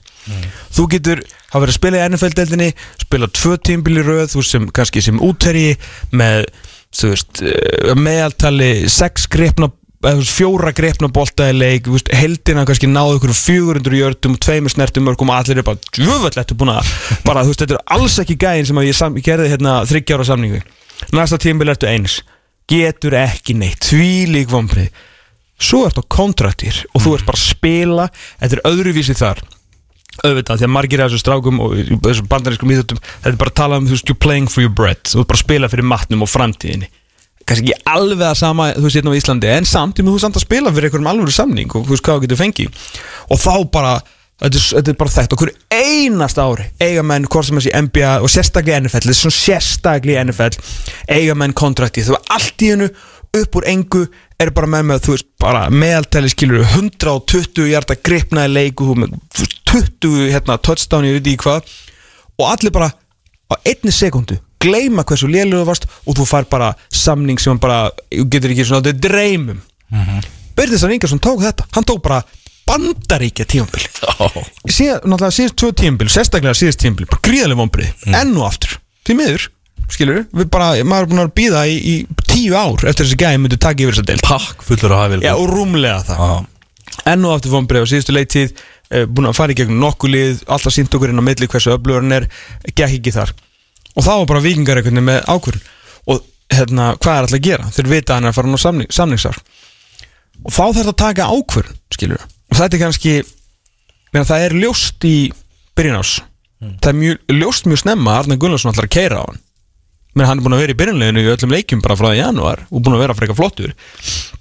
Samt er ekki að gera samningur. Ég veit ekki hvort að hann hefði viljað að fara inn í kontraktíður og sanna sig skilur en svo bara samningslaus bara topp hvað, þrý leikmæri dildinni er það og mikið, topp 5 Menna, við völdum hann besta leikmann uh, Fyrstu 11 umferðina. Ok, besti leikmæri dildinni, förum bara, förum bara allavega þangað. Samningslaus. Og þá ertu komin í alvöru stöðu sko. Já, þá ertu komin í alvöru stöðu. Ég bara man ekki eftir að hafa séð svona hluti áður. Já. þetta er bara mann á samningsári spila svona vel. Hm. Hanna, ég, bara, ég er svona hálfparti fagnaði þegar hann skrifaði nýja samning við, við Viking upp á það að hana, ég hef ekki getað séð hann fara í annað félag núna loksins þegar nær skilru stöðuleika og er algjörlega að blómstra og nýta þessa hæfileika það verður mjög skrítið að fara frá félagi sem er að er, á- á toppnum í dildinu og á leiðinni í byggarúslit sko. Algjörlega, en þú veist náttúrulega, þú veist, peninga tala og, og meina vikingar fara út í fyrstu umferð og meiri hlutin af þeim tekjum hjá, hérna, gegnum ríkaæventýrið fó bara í ferðalagi, það er eins og Sæfa sagði við okkur, þessi fyrsta umferð í konferenslík skilur ekki mikið eftir sig. Mm. blikar saman hvað gerist með 220 miljónur á bókinni pluss náttúrulega bara reksturinn vanalega með hrikalega spennandi lið sem að mun challengea tillunum næstu árin allan meðan Óskar Hrapp verður þarna. Og þeir náttúrulega hérna, reyna að gera sig gildandi þannig þannig að með einhvern veginn svona hefði ekkert komið endilega óvart en ég er alveg sammólaður Veist, og hann sagði líka í öllum viðtölunum sem ég sá að hann rætti ekki einu svona við honum félög. Þú veist, mm. vildi bara fá hann sagði bara, eðlilega, hann og Óli Garðars umbóðsmaður hans vorum vantilega bara með ykkur á töl og blaði. Við erum bara að spila okkur upp í þetta. Þú veist, borgið þetta og, og þú veist, það var endanum gert. Þannig að hérna ótrúlega stert líka fyrir viking á, og líka klára þetta þessi saga dróst ekki lengra sko. En ég sá alveg menn þetta er bara leikmaður sem þá vantar. Já. hefði ekkert komin óvart eða þeir hefur bara brotið sparibökin þessuna Európa-sparibök alveg bara upp á gátt og bara mölbrotið hann til þess að landa á byrni ekki nóg með það að þeir hefur fengið þá allan með að maður til fókbalti.net besta leikmann deildarinn að ringa til Mm. að þá er líka tekið hann af því sem ávist að heiti í dag erkjóvinnum þetta verið svo reisastór skipti sko. Já. Þannig að já, ég, hérna, þetta var allan að við, við vikingar allan að fögnum og ég er sammálaður því að ég held að þetta hafi verið klálega rétt, á- ákvörður sko. Já, og Arta Gunnlaugsson uh, sagði það í mitt, ég fagna því að, að hann hafi tekið rétt ákvörðun. Sagði hann ekki En Herðu, svona af því sögðu, fyrst að að maður heyrt eitthvað svona lauslega, ég veit ekki hvað er til í þetta var nú bara svona eiginlega leigubilis að þú kannski, reistvarinn getur kannski satt okkur eitthvað meira með, með Jóel Símon já, og, og bregðablika allan áhuga á honum. Ég bara, já, eins og ég segi, bara leigubilis að í mín eiru, ég veit ekki hvort þú sem er eitthvað meira eh, klálega vildu Byrni en þeir einhvern veginn á þessu hérna, á eruburannir sínu uh, geta eiginlega ennþá rúmlega síðan í dildina að mér, þú veist, við erum eftir umspilið og allt en ekkert að gerast þannig. Næ Þannig að þeir re- reyndu við, við Jóhann, það er bara þannig. Það er þannig? Já, já. Ok, ok, ok. En hann að Káa verðist bara hafa teikt sér lengra Verðist vera. Aftur skríti með við garanteraðar tekjur sem að blikarnir eru að fá. Ekki, ég, veist, ég er ekki að stýra bókaldun hér menn maður veit bara að þeir eru með 220 miljonur komnar sko. Já, En má svo sem ekki gleyma að þó þeir hefði komið út í plús í fyrramastu þá náttúrulega ef þeir hefði ekki fengið gjöfuna frá hérna hinnum látna blika þá voru þeir í mínus. Þannig að kannski eru líka eitthvað að passa upp á reksturinn. Þannig að ætla þá maður maður bara svona spyr sig hvort að þú veist Óli Kristján sé þó eitthvað að hemla hlutina. Veist, hann sé þá, hann þarf að tala að passa upp á reksturinn skilur ég ætla að giska að Óskar Habar nú bara til í að fá mennina, Já, já. er alltaf þjálfarinn það er hans Já, að finna mennina. Það bara Allir þjálfarar eru tilbúinir að bara Það er ekki þeirra að sjá breksturinn sko. Nei, nei, nei, einmitt, það er bara þeirra að benda og svo bara sjá hvað gerist. Það verið, hérna, það maður getur ímyndið sér svona smá, ég ætla ekki að segja átakafundir en það eru örglega svona menn svona hækka rómir eitthvað aðeins. Já, á, ég held að sé alveg að Óskar Rapp vill fá sóknamann í hópin Já, maður verður að fá sóknarmann í hópin hann er á því hérna, líkri Evrópuvegferð og hérna á bara góða sens að þú er titilinn. Já, það er bara þannig. Áttur að spila Viking tvisvar. Já, þetta kom mér á, á óvart og, og en, en ég bara sko Rósa Káa, bara fyrir það er ákveð skilabóð sem þau eru að sína þarna sko. Já, ekki svona okkur spurning. Það er að leikmaður sem er búin að skora í búndeslíkunni sko. Það er það ágætis, ágætis CV já, það, það er þannig. Herru, ég held að við uh, þurfum að taka upp tólið aftur, líst þér ekki vel að það? Maður ringja í Stefán Pálsson bara núna ætlum við að taka hérna, Ringjum bara í hann núna. Það er bara svoleiðis, Já, ætlum við að við- ringja við- aftur í beinni. Við erum í, í skri, á skriði. Ok, ok, tökum við þá. Að fáið annars símtali í beinni útsendingu eða það ekki heyrt hérna í svona döð lengi. Já, ég er að fíla þetta sko. Já, já. Þetta er bara Stefán. Blessaður Stefán. Þú ert í þráðbyrni útsendingu, hvernig ertu? Eilur og sælir, já Ég álpaðist til að lofa mér í málingavinnu Það er ekki séð fyrir að þið hitta bylgjabænum Herru, við ætlum aðeins að fara yfir með þér svona íhaldsflokkana þrjá í ríkistöðunni Er í morgun þú varst mjög ánæður í, í deilum þínu við Við prestin unga. Já, við, við, við, knarspiti kempuna. Getur markan hefur nú kannski betur farið bara að ræða við mig og þjálfaramál fram heldur en, heldur en um flokka skiptinguna sko. Ég hef nú ekki, ég var að segja þannig í byrjun þáttastefun Ég hef nú ekki heyrti, held ég bara á minni lífsleið hækka rómin Nei, nei, ég menna eins og segi blóðið verður nú að geta runnið í manni og á geta að fá bara útrás fyrir frustrasjónir á öðrum vettvangi. Það er rétt, það er rétt. Herru, við ætlum ekki, ekki að fara í, hérna, í, í vikulókin uh, Engu að síður eru að fara í smá endalók uh, Já, Náttúrulega ég ætla bara að maður getur rétt svo ímynda sér bara svona hversu það er fyrir framara að sama hvernig gengi er að sjá á eftir þessari góðsögn sem að þú náttúrulega líka sást uh, leika sem í boltan áður en að leta aðra svona gera Já. að Jón Sveinsson að fara frá fram bara með hvað, veist, hversu má, miklu máli hann skiptir ykkur og ykkur sögu að, að þetta er ekki bara, það er ekki hver sem er sem var látið fara þarna. Nei, þetta er bara frekar dapurlegt í alla staði. Uh, hluti af uh, því að, að, að vera framari er að maður er vanur því að sjá þjálfar að koma og fara. Jú, jú. Og maður er búin að læra það að, að það er alltaf ákveðin kostur ráttu þjálfara sem að mun ekki valda þér tilfinningalegu uppnámi ef þú neðist verið ha, það er hérna einhverjir málaliðar sem að koma og fara, það er leiðilegt í, í, í 2-3 daga þegar þeim er sagt upp, en þetta, þetta er sárt. Já. þetta er sárt. Ég meina, þú þetta er bara, veist, fyrir þá sem að eru kannski aðeins yngri, þetta er bara góðsögn í, í lifandi lífi, þetta er bara hlut af gullalda liði fram og náttúrulega gæði sem spilaði hátt í þúsund leikið eitthvað, ég meina, þú veist, þetta er bara algjör Já, já. stólvorð. bara allir, allir tillatnir og, og, og það allt saman og tekur vel að merkja við liðinu þegar að enginn vildi sko snerta við félaginu með prigg Emmitt. ha, það er mikilvægt að hafa það í, það í, í, í, í huga Já. ég meina, það var enginn að, að nefna Jón Sveinsson sem þjálfara fram eða yfirhöfu nokkurs meistaraflokks liðs þegar að hann var kynnt til sögunar og það kom bara ekki til að góðu. Þetta var bara eh, það var bara snúningshurði í, í, hérna andirinu í Savamiri þar sem að, að, að bara þjálfarar náðu aldrei heilu tímabili. Nei. og hann kemur og bara kemur reglu á rugglið sko. Mm Ég meina, bara ráðningin og honum og, og færa sinni í Savamíri og svona fá bara smá fram fílingin yfir þetta, þau hefur bara lagt grunninn að því að, að fram sé bara orðið bara fram aftur. Já, minn fyrsta tímabili var bara gaman að mæta á völlin allt í einu sko Einmitt, einmitt. Eh, það komu, komu, komu skrítin tími COVID, ári sem, að, sem var, var, var mjög gott, gott þar sem að, allir gáttu svona farið saman í einhvern svona bunker feeling eða hvað verið nú illa með okkur farið að að hafa verið flautaðir úr, úr efstu deildamina auðvitað vissu það líka allir að við höfðum miklu betra að því að taka, taka þetta í, í tveimur stökkum Mm og fara, fara upp á þeim tíma þegar að mann gáttu þá verið að spila á nýjum heimaðall Já. og svo fór sem fór ég, ég, eh, ég var miklu róleri heldur en allir aðrir eh, svona í kringum mig eh, en, en svona en vissulega var maður fyrir þátti miklu áfalli á þessum stjórnuleik því það var bara svo lélegt.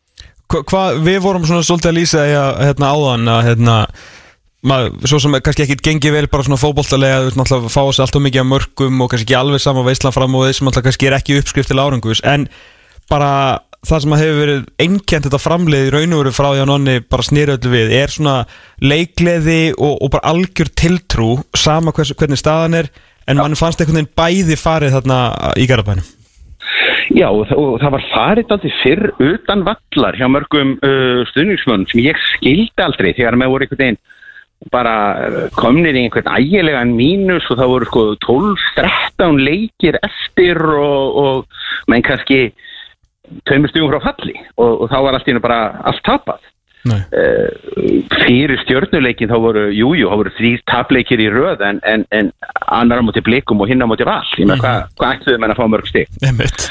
uh, en eh, vissulega að hérna þetta var voðalega þetta, þetta, þetta var svo andlust í þessum, þessum, þessum stjórnuleik og, og ég veit ekkert hverjum á að kenna um það en þá er náttúrulega alltaf alltaf auðvelda auð- auðvelda leiðin er náttúrulega bara að- skipta um, um kallin í brúni það er auðveldar að skipta um eitt knastnustjóra heldur en átjómanna leikmannahóp Ef að, ef að stjórnin hefði ekki getað tekið ákvörun og, og hringti þig á símafundi og þú hefði bara fengið að segja bara já eða nei, hvað hefði þú sagt? Um, sko, ég var, var gladur að, og ég, ég komst snemma þeirri niðurstöðu Já. að mínir kraftar í félagsstörfum fyrir fram nýttust betur heldur en að ég væri þarna í einhverjum stjórnum að taka svona ákvarðanir það skil. þetta að nota mig að skrifa eða halda ræður eða vera, vera bjór? og, og meðan að ég hef ekki svo stætti þeirri ábyrgð að þurfa ráða að rekka þá ætla ég heldur ekki að vera að, með puttan á lofti yfir, yfir, yfir öðrum Nei. uh, það sem ég vona allavega vegna er að það sé uh, plan vegna þess að það sýnst mér alltaf minnst það alltaf ósannfærandi í fótbolta bara sem fótbolta áhuga maður þegar að sko, stjórin er rekin bara til þess að reka eða, eða, eða sína eitthvað, eitthvað autoritet en það sé í rauninni ekkert plan í staðin. Ég meina, þú skiptir ekki um þjálfara nema til að fá þér betri þjálfara. Nei, nei, þeim er það alveg rétt og það er fátt verra fyrir lið í, í stöðunni sem að frammi núna einmitt láta svona mann fara talandi svona góðsögn og svo fara frétti kannski að berast að, að þessi segir nei og þessi segir nei og, og einhvern veginn endar með þriðja kost sko, það, það hjálpar ekki stöðunni. Auðvitað, auðvitað, og, og svo, svo er þetta náttúrulega veist, það- þetta er, eh, þetta er catch 22 vegna þess að náttúrulega auðvitað er hitt heldur ekki betra að, að, að þú sért ofinberlega að styðja stjóran en, en svo sértu bak við tjöldin að á mönnum einmitt. og, og, og, ræða og, og veist, það er náttúrulega rýtingstunga líka. Þannig að, að þú getur aldrei unnið. Ég, ég, ég viðkenni það alveg fyll- fyllilega. Hva, Hvern viltu sjá taka við liðinu? Já, það er nú það. Já, sko já er, er, er, er, er, er ekki Steinar Guðgjersson hættur að rekka opinn þeir fyrirtæki? Þetta fyrir, ríkið nei ég, ég, ég, held að, að, að sá, sá bátur sér búin að sykla ég, ég ætla að uh, býð býð, býð spenntur. Ég meina uh, ef maður reynir bara að vera gáfulegur ég meina þá er náttúrulega en hafa verið að nefna Ágúst Gilvarsson sem hefur náttúrulega mikla sögu uh, í félaginu. Og sérstaklega var það sko þegar að já, hann svona uh, var, var mjög góður að hrökkva í gang emmitt í ágúst. Á þeim árum þegar að sko ágúst var lokaspretturinn og, og, og við þurftum einhvern veginn að að leggjast á, á árat þannig að það var alltaf að tala um það að ágústmótið væri byrjað. Já, já. Var, Totti kannski svona var aðeins að slá þessu frá sér þó ekki eitthvað allt og fast er, er það maður sem myndilega sjá aftur? Ég, eins, eins, eins og ég segi ég, ég, ég hef ekki á þessu neitt uh, allt of heita skoðun, ég meina það sem er alveg það sem virðist vera nokkuð ljóst er það að, að uh, það eru ekki miklu peningar í kassanum og það er engin áhugi menn eru bara svo brendir í félaginu af því að eigða peningum sem er átt ekki til. Þannig að það er engin uh, vilji fyrir því að, að, að fara í einhvern risa yfirdrátt. Þannig ég held að alveg ljóst að, að hver sá uh, sjálfari sem er fenginn inn núna, hann verður fyrst og fremst að vinna með þann hóp sem að fyrir var. Mm og, og uh, getur ekkert komið með einhverja uh, mikla, mikla óskalista og, og, og, og fyllt alltaf af misvænlegum útlendingum sem kom á morgun. Og þá held ég bara að sé, sé ágætt að, hugsa arftakavalið dálítið út frá því. Hver, hver, hver er, er maður sem kann að, bara vinna með, með þá resursa sem honum er útstæðar eins og staðinu núna, ertu, ertu bjarsinn á það að, að fram nái að halda sæti sinu í, í deltara bestu? Já, já, ég er það líka og, og af sömu ástæðu og, og hérna eh, og ég var frekar rólegur þó að vissulega hafi nú hérna sjálfströsti fengið beðið smá nekki þarna á stjórnumvellinum þá þú ekki sé nema vegna þess að það eru svo margir aðrir lélegir heldur en við. Þetta er góð punktu Stefán sko Því að, veist, íbjöða fylgir og kepla ekki er eitthvað betri þig og háka með þess að líka og þetta er að spila við öll í umspilinu sko. Já, ég meina, við erum ekki, við erum ekki í þeirri stöðu að við séum, þurfum að sko gleipa upp eitthvað 7-8 stiga nei. og, og, og svona veist, þetta er bara pakki og síðan verður þessi úrslitakeppni þar sem að allir spila við alla og þá mun koma í ljós þetta furðulega lotteri að sumir fá heimaleiki gegn sumum og, og, og aðrir ekki og hérna það er bara það er bara nóg eftir ah. Ég meina næsti leikur fram er gegn, gegn fylki sem ég held að spila ekki á undan þannig að veist, sigur þar njú, smá new manager bounce og þeir eru komin úr fallsæti þetta er nú ekki verri en það. Þetta er, þetta er nefnilega ekki verið þá ef ekki, drengi mínir þá er alltaf möguleikin að vinna þetta bara á ársþinginu. Fara í 14 leðadeildina hugsi lausnum Ég segi það, ég, ég segi það. Það er allan að gott og sért ekki, ekki, ekki ofsvægtur þó að maður skilji vel að það sé erfitt að fyrir ykkur og eiginlega okkur líka að horfa, horfa eftir Jóni. Við maður hleypa þar aftur í, í málinguna Takk hjálpa fyrir að taka Síman Stefán Pálsson. Takk fyrir, bye bye Bye bye Heldur betur áhugaverð úrslit í lengjudöldinni gær. Afturölding 2 í að 5 Svakalett Þegar að koma að afturhalding tapaði fótboltaleika þá voru þeir raskjaldir og Já. það á heimavelli.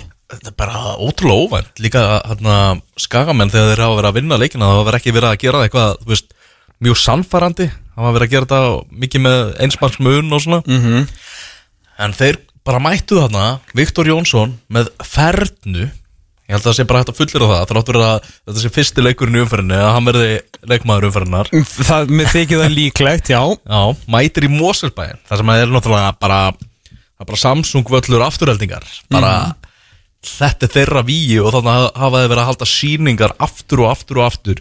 828 árundur sem voru á þessum leik. Þeir fengu síningu frá Skagamur Já, og rúmlega það, þau náttúrulega eftir að þessar hryttilegu byrjun þeirra uh, skagamanna væri rosalega frólitt ef að skagamenn hefðu byrjað aðeins minna illa. Já.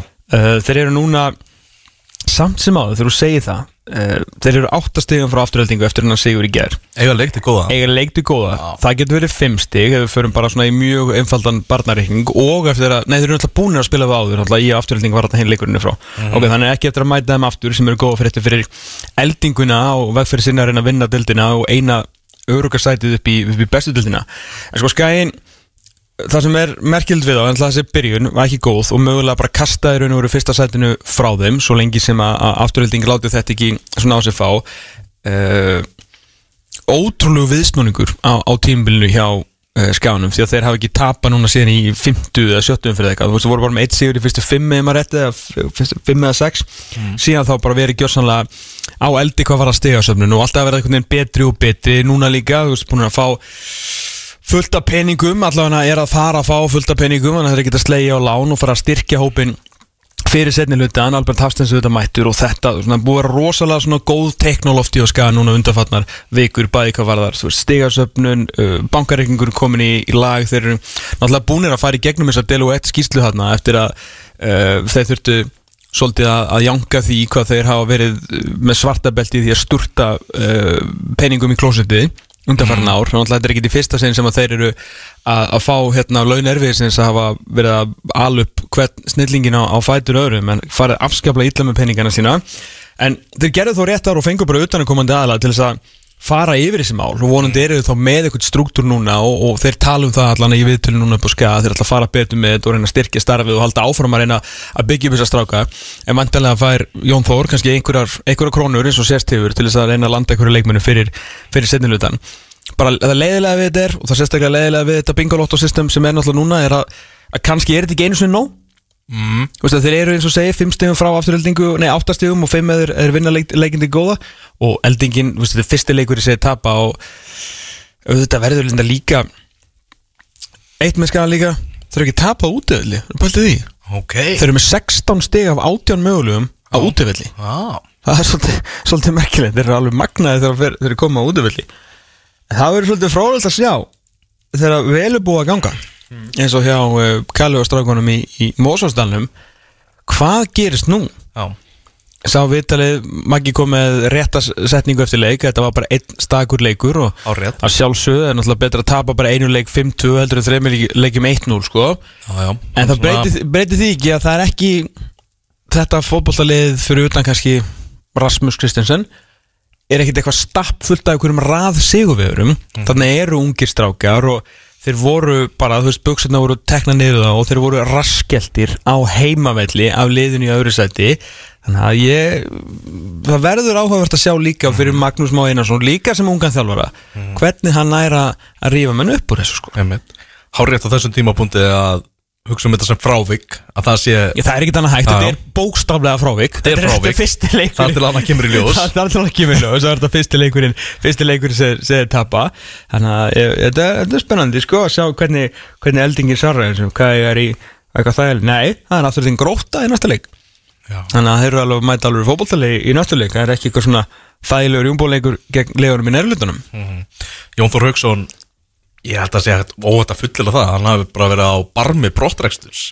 Ég ekki segja skaða með það. Nei, það segja það ekki. Nei, En en, gengi var ekki gott til að byrja með og var allan að vantilega ekki langt eftir í snurinu, það getur ekki verið Nei. með að við vonir og vendingar fyrir tímumbilið um, en breytir því ekki að þetta er þetta er bara, hlýtur að vera eitt af því besta sem hann hefur sínt á svona þjálfarferðli Já. bara þessi viðsnúningur og þetta gengi núna. Já, ég, man, fílik upprisa gekk alveg vel með vestra, ég segi það ekki en, þetta er svona svona að hafa snúið þessu við og vera búin að vinna svona marga leiki röð og ekki tapa núna bara þú veist, í 6-7 umferðum eða 8 umferðum eða eitthvað. Það er, þetta er, þetta er impressive og hann má fá hrós fyrir það. Mm. Við vorum búinir að taka upp kampavinnið fyrir bara afturöldingu og bara komnir upp til hamingju. Hingrum aðeins, Þurfum við ekki að hingra þess hingrum aðeins. Hingrum aðeins. hingrum aðeins, leifum skaganum að gera þetta á móti. Kannski fá hjálp frá gróttu í næstu umferð og þetta verður jafnvel ennþá meira spennandi.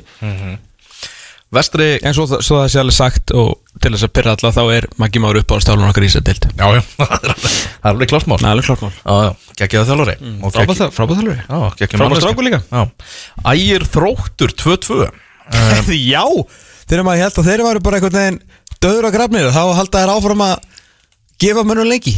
Já, það er þannig og þróttararnir, þetta er svona þeirra slappasti leikur í ansi langan tíma.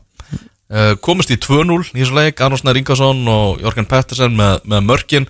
Síðan uh, allir að Guðbjartsson og, Brynjólf Þór Eyþórsson sem að uh, jöfnuðu fyrir ægismenn. Já, algjörlega óþór og tvö stig töpu hann hjá þrótturinn sem að gætu verið með 17 stig núna þarna í, í sjötta setninu og bara haldi áfram að og getur svo sem haldi áfram að leiða sér að dreyma um um hérna lífið lottir í, í lók mót sko. En þetta var svona átt ekki, þú átt samt ekki að missa niður tvekja marka fórustu gegn ægi. Nei. við miður. Þessi segur selfisinga uh, um daginn á móti grindvikingum gerða það verkum að nú eru 5 stig frá fallliðunum og upp úr fallsæti. Já, Þú veist, við erum búin að tala bara þvílitt mikið um það að þetta sé ekki eins og deildin í fyrra þar sem að þróttur vógum og, og káfa fóru bara langt lélugustu liðin en það er að stefna hratt bryðja Já, það er, bara það er bara þannig. En þau úrslit svona í ljósi þess að uh, Selfoss hefði tapað 9-0 og, og Grindavík uh, er með svona þennan mannskap og svona svolítið förðulegt Já, mjög. Uh, virðist, uh, já það virðist ekki það er allt í bulli í Grindavík Já. enn eitt árið því miður. Og þetta er alveg bara, ég held eiginlega ekki að þetta gæti orðið verra eftir hérna bjössa árin 2 sem að bara úrslitalega sé voru lélega skilur en það er ekki veist, sjötta sætið eitthvað með mínus einni markatölu og bara gátt ekki neitt í raun og veru. Með við það sem er allir sér á þessu tíðinbili 15 stig núna í 13 leikjum og þeir eru ekki unnið hvað, í 5-6 leikjum? Já, Þetta er, og pluss náttúrulega Guðjón Pétur stæmið allt saman og ég ég veit ekki hvað og hvað, ég held að þetta geti ekki verið að vera fyrir en maður hafði svo sannlega rámt fyrir sig þar. Þeir eru markatöluna 12-16 Já eftir 13 Skora umferðir? ekki neitt sko. Ekki neitt sko. ekki neitt. En maður heyrðist þetta einhvern veginn engan hita á Helga Sig. Nei, og uh, formaðurinn, hann, hann kom nú í viðtal við fjóra það þrjá pundris í, í vikunni Ok, og sagði bara helgir okkar maður og við stundum með honum. Já, flott, já. bara besta mál. En hérna, en var engin fundur á Sarfossi Bara 9-0, ekki unnið bara síðan um aldamótin og bara áfram gakk Hann vissulega, ég ætla að gefa Dino það að liði svaraði með að vinna Grindavík í næsta leik en var bara, var aldrei spurning, var bara, var bara vikan eins og allar hinna vikunar spurning hvort að þetta hafi bara verið leint, veist, leint og ljóst bara bak við tjöldin úslita leikur fyrir Dino Það geta alveg verið. Og leikmennir svöruðu og ja, En fóruð þeir í Óskars Klausen mótilið og sögðu bara við þjálfaran Þú verður reikinnið og vinnur ekki næsta leik. Það er spurningin sko. Það er ennþá boss move ásins Já. Vindu næsta leik og verður reikin Og það geta verið með á bakveðan bara segja við hann. Óskar Klásen tekur enga fanga. Það er nú bara þannig. Herru vestri Gróta, hann er í, í dag klukkan 2 og það eru, já, það er bara nóga leikum klukkan 2, það eru fjóri leikir á dagskrám uh, á þeim leiktíma, það er, já, vestri Gróta leiknum Þór sem við ætlum að kíkja á eftir Já. þátt. Uh, Njarðvík, Grindavík og svo fjölunir Selfoss í uh, Gravarvójun Já, verða við ekki að ég verið frekar til að sjá nærvi Grindavík í korfubólta í dag heldur en fótbolta. Já, Þetta er ekki spennandi fótballleikur En mjög mikilvægur samt fyrir Njarðvík að reyna að berja og sparka í leikjandi Grindavíkur stráka til þess að að bara drepi geta mót. Já. Já, það er alveg, alveg, alveg hárjætt Við þurfum að fá spennur líka í, í fallbarátunni Já, þetta þýðir ekki að þeir verið farnir niður bara eftir þrjá fjóru umferði sko. Umulettu liðin að fall bara þessi ráðin kannski í 17. umferð sko því að þó að sé umspil um eitt lössæti efstu deild og þá er ekkert umspil um fallið. Þegar þú fellur þá bara fellur þau. Já, þannig nefnilega virkar þetta sko. Herðu, ég var að ringi í kar Ef við ekki að taka enn eitt símtalið í beinni. Ég, ég held að það sé þema þáttur. Ó, hvað það nátt Já, mjög Heyrðu, vel Það var að færa okkur yfir í eh, Saudi Pro League eða? Sko. Eh, Deildina sem er að ræna öllum fótbolltakvættu Nú er Alan St. Maximan Ég verð bara pirraðari og pirraðari og pirraðari þessi, á þessu Saudi bylli Já, Djúveldur er pirraðar og hvernig degi fyrir nýr kall já Af hverju er að fara að fá Alan St. Maximin? Af hverju? Af Kri- hverju? Kristján Alli er á línunni, blessa þér Sælir. Hæ, hæ, við beinni frá, frá Spáni Á sundlu á bakkanum eh, Hvernig koktel er þetta með það? Heru, ég, ég er einhver upp á þakki hérna, ég er að horfa niður yfir sundlöðabakkan og lungunar augum. Í, einhvernum á sundskilin og töflum, ég er á leiðinni beint og ég er búin að spella augur. Já, líst vel á þetta. Kósi Þetta er alvöru fílingur. Erum við ætlum að svona megin inntak uh, spjálsins við þig er sumarglukkin hjá Liverpool, þínum mönnum. Þarna, Já, bara skalanum 1 það er komið öðrum, það er komið öðrum sálfræði tíma og skalanum 1 til 10 Hvernig, hvað gefur þessu glukka að hinga til? Er núna, að þá erum við að fá svona þrjá einhvern, fjóra einhvern. Uh, þetta eru alltaf tveir virkilega flotti leikmenn sem eru konið til Liverpool. Og þeir eru spennandi. Og ég er náttúrulega mærði Alexis McAllister uh, í, í síðasta þætti sem ég var hjá okkur þarna í vor. Uh, og mér líst rosalega vel á sopa slæð þó svo að við Íslandingar höfum annars sjálfsög ég þarf að vinna því að fyrirgefa honum. En, en hérna að öðru leiti veist, þetta voru jújú, jú, sko þeir byrjuði í vor á því að hverja Roberto Firmino og þrjá miðjumenn Naby Keita, Oxlade Chamberlain og, og varafyrirlegan James Milner. Það var náttúrulega búið að kaupa í rauninni fyrir og sókna mann í janúar í Cody Gakpo. Og svo fara þeir strax í að kaupa þessar tvo spaða unga og flotta stráka í staðin til þess að trjá miðjumenn og ok, þar hefðu geta kannski sagt að liði væri á sléttu í þessum sumaklukka en svo náttúrulega bara kemur þessi sátadeild sterk inn og byrjar að íta á næsta í hælana á öllum liðum og, og allt í einu eru Jordan Henderson og Fabinho á, á útleði á okkur. Og Leopold þeirri stöðu að þeir eiga í rauninni ekki til þess að spila þennan leik. Fyrsta deltaleik við Chelsea eftir tvær vikur á morgun þannig að það er ljóst að það verður að gera eitthvað meira en þannig að menn verða að hugsa um nýju mánuðina. Þetta er langt tímabil, það er kannski ekki hægt að panikkaupa bara til að eiga leikmann í stöðu fyrir fyrsta leik en það verður bara að hafa það og leysa hann einhvern veginn. Ég veist líklegt að en íti Trent Alexander Arnold bara á miðuna og láti Joe Gomez spila bakur í fyrsta leik sko. Já, en, en, en hérna það verður, það er alveg ljóst. Jö- Jürgen Klopp var að tala um blaðamenn í morgun sá ég stað til Singapur það er svo undan okkur í tíma.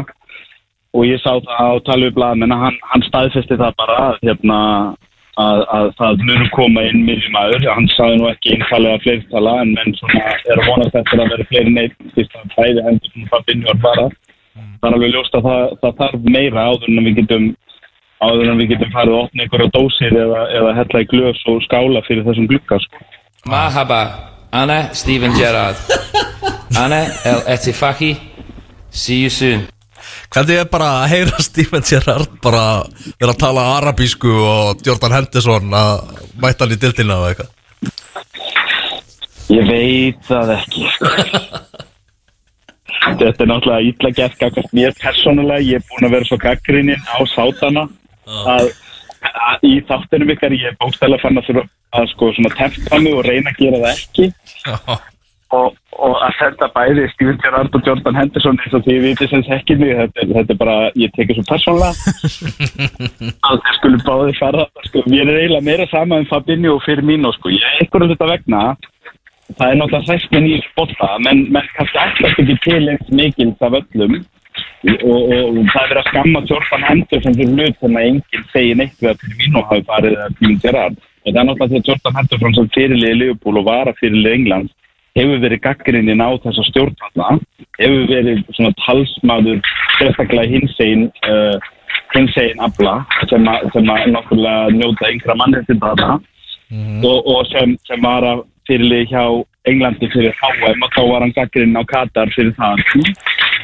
Þannig að menn svona kannski horfa helst til hans og, og kalla hæstnara fyrir að gera þetta. Og ég get ekki, ég get ekki varðið af því. Ég, finnst- ég skil alveg að taka þennan bila pening sem er í búðum ég skil það bara mjög vel og á þá er þetta bara hann og hans fjölskylda og þeirra líf. En mér finnst þetta drullið fyrst sem frá því hvað deildin er vanglið en svo náttúrulega getur snúið í hálsing og sagt takk fyrir segir engin og David Beckham eða, eða, eða hérna, Lionel Messi sem er í Flórida það sem er nú aldrei verið að tróða á hins eginn fólki í dag og, og, og það segir engin neitt það skilur þannig að hvað er að draga línun í þessu? Veist, á ég að vera grimmur hér, er, ég- er ég rasist ef ég er grimmur hér en segi ekkert um Beckham og, og Messi og Tói ítti Miami? Veist, er, er þetta í lægi þegar að, þegar að það eru hérna, þegar að Todd Bowley sem er að spreða peningum í Chelsea en ekki þegar það eru Arabar sem er að spreða peningum í Newcastle?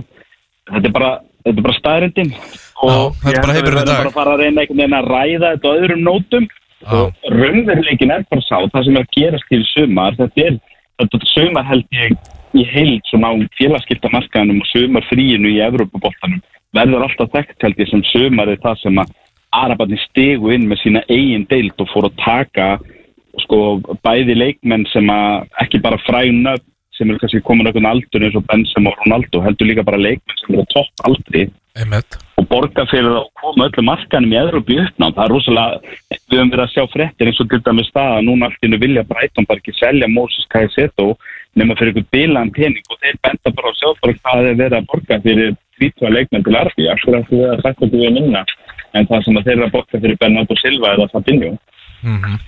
Þannig að hérna, það er svona einhvern veginn allt í uppnám, það er einhvern veginn ég held að þetta sumar sé ekki að fara eins og neitt planað ef við horfum á stóru 6, stóru 7 klúpa í Englandi.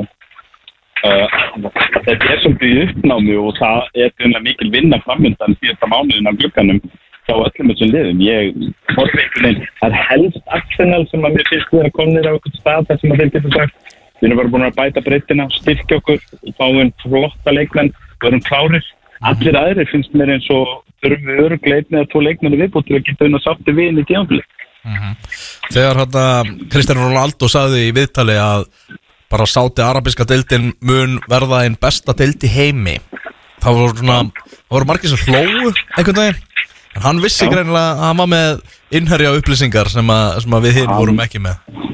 hann var öruglega bara búin að fá lofur hann, Já. hann söklaðist þarna á miðju tímabili og, og þeir sögðu öruglega bara við hann þú kemur og þú verður ekkert lengi einnig Æ. og það er bara það sem er að gerast. Það er alltaf einu konar fimm súpustjörnur hvert lið þarna og, og, og leikmennir nei, þjálfararnir eru heimsvæði líka á hana og þetta bara skilar á hann hefur átt ykkur á því þessi gæjar er ekkert að leika sér út í lofti með þessa peninga? Þeir vita nákvæmlega hvað er að gera. Ég er búin að vera í tvær vikur hérna á Spáni hérna á Suðausturhóttinu Valencia svæðinu Á. kringum Alicante og búin að vera að ferðast aðeins hérna. Og treyjan sem ég sé mest hér það eru engar Valencia eða Barcelona treyjur það er þessi Káa treyja hjá Cristiano Ronaldo Svoleiðis. hjá hvað er heita? Al-Nasser Já, það er treyjan sem annars er krakki hérna er í það er svo og svo Messi. Og svo bleika treyjan Me- Messi núna frá Miami. Ég fór í Adidas-veskarinn það var ofenbar Adidas-veskarinn hérna á meður og 50 dag Já, og dóttir mín önnur svingir, hún er friðlega þannig að langa svo í þess að bleiku treyja því hún elskar Messi.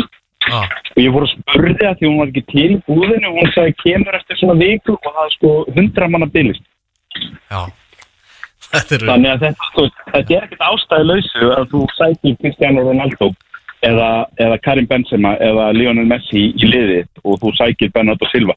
Þú ert að sækir Jordan Henderson og Henderson, ég myndi, við Liverpoolmenn myndum aldrei setja hann eitthvað til jafs við Messi og, og Ronaldo í, knaspunningæðum. Hann frábær leikmann, hann er ekki þar, en hann er einhvað síður sitjandi fyrirlið hjá Liverpool. Já, Skilur. Þetta er stórt upp á það hjá þeim að fara að sækja Jordan Henderson. Þannig að þetta er bara raunveruleikin og ég held að þetta sé bara eitthvað sem er komið til að vera. Menn þurfa að fara að plana núna. Það verða einhverju leikmenn plokkaðir í janúar aftur og svo verða plokkaðir leikmenn næsta sumar, þeir verða grimmir og þeir munu breyta markanum því að hvernig áttu að verja það? Að þú veist Manchester United við kaupa eitthvað leikmann frá, frá Wolves. Og svo er, svo er eitthvað lið frá Saudi Arbi að bjóða helmingi meiri uppæði í hann, ég menn verða bara að einhvern veginn að svona aðlega sig að þessu, þetta er bara breyttu veruleiki í bóttanum og þeir eru ekkert að þessu bara til þess að vera með einhverja leikmenn sem hverfa núna inn í tómið og við pælum ekkert í Evrópu. Þeir eru að koma upp deild sem að þeir ætla sér að vera öruglega orðin eina stóru sjónvastildunum á næstu 5-6 árum. Já Þá eftir það að er bara hugsun, það er hugsunum þessu. Þeir, þeir eru eftir að keira það produkt allt saman í gang núna á næstu 12 eða 18 mánuðum með látum þegar að komi nóg mikið að leikmönnum að þá allt í einu tikkar inn hérna auðlýsingarnar hjá Sky Sports og BN og hvað þetta heitir allt saman. Ellendu stöðarnar og annað og allt í einu þá verður komin einhver eftirspurn heima kannski, ætla símin eða Vodafone eða einhver að taka þessa þessa dild sem sjónvarsföru svo við getum hort á alla þessa frábæra leikmenn sem er þarna. Ég get alveg trúið því að jafnvel bara Sáta Arabia myndi bara borga fyrir það að, þú veist, að komast inn á þessa markaði. Bara eru að borga sjómastöðum fyrir að sína boltan sko. Það, þeir, peningarnir eru ekki vandamálega þarna þannig að þeir, þeir eru bara að reyna að koma upp vöru. Við sáum hvernig þeir tók yfir golfið. Þeir eru komið stóra sneið af, af, af Formule 1 kökunni til sín. Þeir, þeir eru ekki þarna bara til að vera með þeir ætla sér að vera með stóru deildina. Já. og þeir sitja bara ekkert lengur og horfa á til dæmis eh, Spán og England og kannski sérstaklega úrvasteldinu og Englandi svolítið hlaupaði burtu með þetta af stóru deildinum á, á, í Evrópu þeir segja bara, akkur getur við ekki gert þetta? Og akkur getur við ekki gert þetta bara með hraði og á styrum Já. það eru engar financial fair play og ekki neitt svoleið sem við þurfum að pæli hér. Það er bara, það þarf bara rétt að kíkja á mótnana inn í peningahíslunar og segja, er ekki örgulega til olí en þá flott, jóðum það er bara þannig sem þeir hugsa þarna og þetta er bara raunveruleikin og, og maður hugsa sko frekar að hafa áhyggjur af því hvort að Leopold sé með nóga miðmunum í sumar eða hvort að Fittli sé að missa Alan Sengs Maximin eða, eða, eða hva, hvað það er sem hann heitir skilur sem er mögulega að fara til í þessa deild í sáti ég hugsa fimm ár fram í tíma og hugsa með mér, er, er þetta kannski bara endalókin á stóru deildunum í Evrópu eða munum það kannski þurfa að stökkbreytast? Munum við þurfa á endanum ofur til Evrópu sem að allir hafa verið á móti til þess að geta kæft við þetta? Skiljum, hvað, er við að fara? Hver, hver, hvernig breytir þetta jöfninu fyrir alla hína þessi tilkoma þessara dildar og þetta er gríðalega áhugavert, þetta er allavega ekki leiðilegt það er alveg reynu, hvað sem að menn eru sáttir og ósáttum við þetta, þá er þetta ekki óspennandi því að þetta verður mjög áhugavert að fylgjast með dróninni Já, heldur betur og hún er að gerast alveg bara skuggalega hratt, það er einmitt málið sko.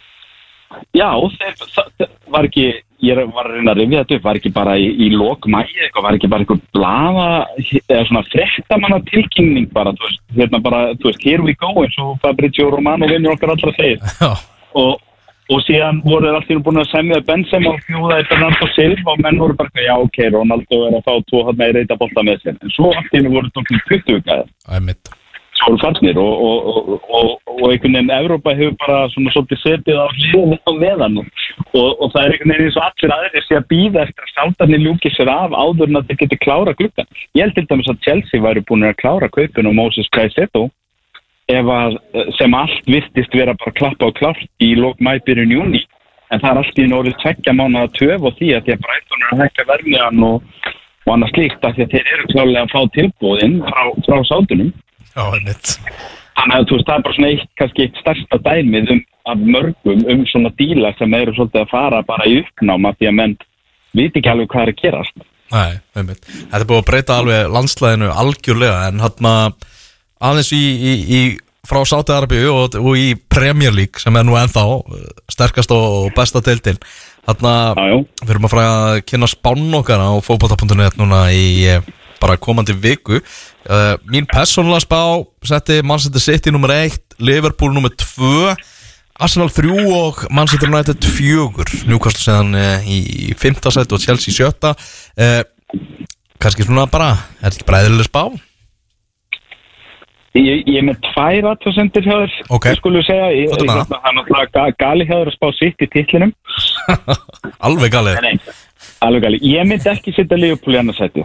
Sko, þú Ok. er alltaf því að þarna er horfin fyrirliðin og varafyrirliðin og þarna eru horfnir núna fimm miðjumenn sem voru með meðalaldur í kringum 30 árin og, og búin að spila meðaltal ykkur 250 leiki fyrir félagis skilur og, og, það er, og það sem er komið í staðinn það eru McAllister og Soboslæð sem eru hvað 24 og 22 ára og mögulega Romeo Lavia frá Sáhandun eða geta klárað þann bíl eftir helgi sem er 19 ára ah. þetta er, er miðjan hjá félaginu og ég man til dæmis þegar, þegar, þegar við sóttum til dæmis Fabinho að þá saltaði klopp hann í fjóra-fimm mánuði áður en hann var tilbúin komin í lið það er bara sjálfgægt að klopp setja í leikmenn, miðjumenn sérstaklega strax sína miðna, en nú er það bara þegar skoðan verður að gera það. Og ég er bara mjög hissa ef að það er ekki vakstaverki á þessu liðbúliði framan á tímafili Ah. þannig að persónulega þá hefði ég viljað sjá okkur kasta okkur fyrst í eitthvað svona titilbarastaftur án þess endilega að gera þá kröfu að menn hafi sitt í þar. En þetta sumar eins og það er að fara núna kannski maður lakkar aðeins svona mættingarna niður í meistardöldsæti ég væri til í meistardöldsæti þannig að ég myndi fyrir mitt leiti ég myndi setja Arsenal og mögulega United líka upp fyrir okkur því að United hafa ekki gert, þú veist, það er þessi ónanægin fyrir því geða sem er stóru spurningamerki á þeim, svo sækjaði mér sem átt í staðin fyrir Elanga. Þetta eru sennilega svona styrkingar á hófnum uh, ef við gefum okkur það að að hafi verið svolítið búinn hjá félaginu eftir langa veru. Hérna það eftir að koma í ljós, þannig að segjum sama topp fjóri í myndi færa Leopold nefn fyrir Arsenal og mögulega United. Uh, Gleimum því samt aldrei að Leopold vann United 7-0 á þessu dagatals ári og eru betri í fótballtæðin United en við erum að leita stöðuleika og svo er það spurning með Newcastle. Uh, Eddie Howe og þeir, þeir í raunin eru undan áallun inn í meistardeild eftir rúmlega ár með nýja eigendur. Og hafandi ekki styrkt neitt svakalega mikið til þess að ná því þannig séð. Nei. þeir eru að styrkja sig í ár, jú, jú. Sandro Tonali kemur hann inn. Asli Band, nei Harrison Bandsi kemur inn fyrir að því að viðist Allan Sveitt minn er það nóg þegar þú ert farin að spila mestardeldabolta líka og ert með á bakinn því að það er ekki heim stórliðin að það er alltaf stór dagur hjá félag í Júrópöldinni til að Manchester United kemur heimskum eða Liverpool eða Arsenal og nú er Newcastle komið á þann stað og það verður öðruvísi hjá þeim að mæta þessum liðum sem þeir gátur kannski svolítið fengi að koma oflant í fyrir þannig séð. Þannig að fyrsta sæti gæti verið bestinsbá hjá Newcastle. Ég ætla bara að segja það hér og nú. Já, ok, ok. Ég hendi segja hann Sheffield United, Luton og Bournemouth niður, bara svona til að leifa því að, að fylgja.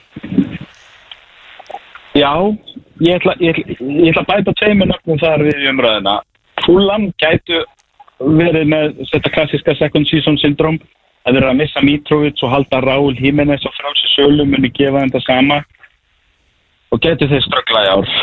Uh, og svo er það hiklið, ég, ég bara skil ekki alveg hvað er að gerast hjá nákvæmum okkar í Everton. Þeir, þeir eru búin að bæta við sig Asli Young á frálsi sölu í sumar Já, ég held að það væri félag sem þurft að bylta leikmannahóknum sín hver sem þjálfari niður að þá er það að gera stóra breytingar í sömur en það, ég, hver- hvernig ætlar nokkur auðvitaðmaður að horfa á það sem er í gangi þeim í dag og segja við erum bara leiðinni rakli við erum að fara eitthvað ofar heldur en fráttbarku þeir held í stefni bara á sama stað.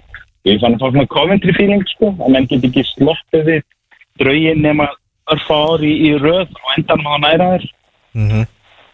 Og þannig að ég, já samúlega með þessi þrjú næstu en, en ég myndi halda fúlam og, og Everton svolítið til hafa það líka. Já, Ég get líka alveg bætt við úlvonum líka. Það er eitthvað svona Það eitthvað lítið spennandi Já. í gangi þar sko. Já, þú veist, og Krista Palas og fleiri, það eru svona alls konar spurningamarki við veitum reyndur að Hodgson skila Krista Palas í hvað nákvæmlega 11. sæti og ekki sæti ofar eða neðar Já, en við, hérna, en við trúa á hérna með Aston Villa, ég er svolítið trú á þeim ég er svolítið hrifun á glukkan í á þeim líka. Mm, ég held Aston Villa verði Evroplið allavega. Við höfum líka trúa á, á Burnley, Íslandingsliðinu sem að hérna það, það, það, það, er, það er það er svipað með fúlam fyrir ári þannig að koma upp lið sem að, þú veist, menn voru vanið því að fá fúlam upp og þeir voru alltaf í ströggli en þarna var fúlam að koma upp og menn sögðu, neina býttu við í þetta sinn er þeir að spila fráfæra knaspinu Já. og spennandi sóknalið og það kom á daginn að þeir voru eitthvað skúpinglið um ásing og það sama gæti verið í gangi hjá börnleik þegar nú börnleik kom upp og við erum öll með ákveðna ímynda börnleik í hugunum en þeir sem hafa ekki finnst með Champions-League-deildinni í fyrra halda kannski að það sé sama svona hérna, hérna eh, smálið að móðið að fara að verða upp á teiningnum en það er ekki það sem er í gangi. Að Vincent Kompany hefur aðrar hugmyndir og það er mjög áhugast að sjá hvort að hann getur kannski gert bara jafnvel það sama og fúlam gerði fyrra. Já, það verður mjög, mjög fróðlegt. Stýttist í þetta, við ætlum að fara að hleypa þér í laugina. Kristján Alli, takk hérlega fyrir og stýttist nú í að, að, að þú mætir hérna í, í fiskabúri Hvernig sem er strákar, Adiós. Heyrjumst, það var Bye bye Já, Kristján Alli, aðeins að, aðeins að kíkja á enska boltan, það er skuggalega stutt í Áttu Gerard einu sinni að við förum með það? Já, já, ég er svo mikið til í að, til í að spila hann aftur. Ímyndið ykkur bara Ansi, klukkan er 3.40 Hann er á nýja kebabstaðnum á móti danska. Geðveikur staður bæði við Geggjaðu kebab. Frábær. Frábær. Mm. uh, Hvað er það, kebabhollin eða eitthvað? Maður ekki. Hérna, Ég ætlaði á hann í, í gæður en einhvern veginn Á- held, á- ég að ekki farið. Þú menna áðan? Já, áðan. Svona, klukkan er 3.40 Þið finnst þér að þetta er í Íslands heimsókn Hann rúlar út af danska Má náttúrulega ekki taka glasi með út Beðum að hafa látt út af hérna, nágranna Fólk er alltaf hérna að kvarta Sér kebabin hinum megin og segir Marhaba, Anna Steven Gerrard. Anna El Etifaki. See you soon. Einu snell Marhaba, Anna Steven Gerrard. Anna El Etifaki. See you soon. Og viltu franska með því? Hvernig er það? Herra, er því komið ágætt? Þú eru ekki að fara upp í breiðaltið Við við bestu, við lengjuna Við heyrum í Stefáni Pálsson um brottrekstur Jóns Sveinssonar Við heyrum í Davíð og Viðari Haldósinni sem sagði okkur að heyri í Davíð og Viðarsinni Þeir tengjast Hann fór yfir málið félagskiptabannið sem er af FH sem hefur nú verið aflétt. Heyrðu svo endanum hér í Kristinn alltaf Ragnarsin aðeins um Liverpool gluggan og smá um enska boltan meirum það síðar. En þá held ég að séum tendir þennan uh, lögadaginn og við verum hér aftur aðsálsu á Veslurum að halga lögadegi Heldur með í sko fullu fjöri með Algjörlega. bylgjulestin á fullu svingi. Fullan bíla tónlist fulla bíla tónlist eftir 6 og 22 tíma. Þangar til, verðið sæl Þú ert að hlusta á Exið. 977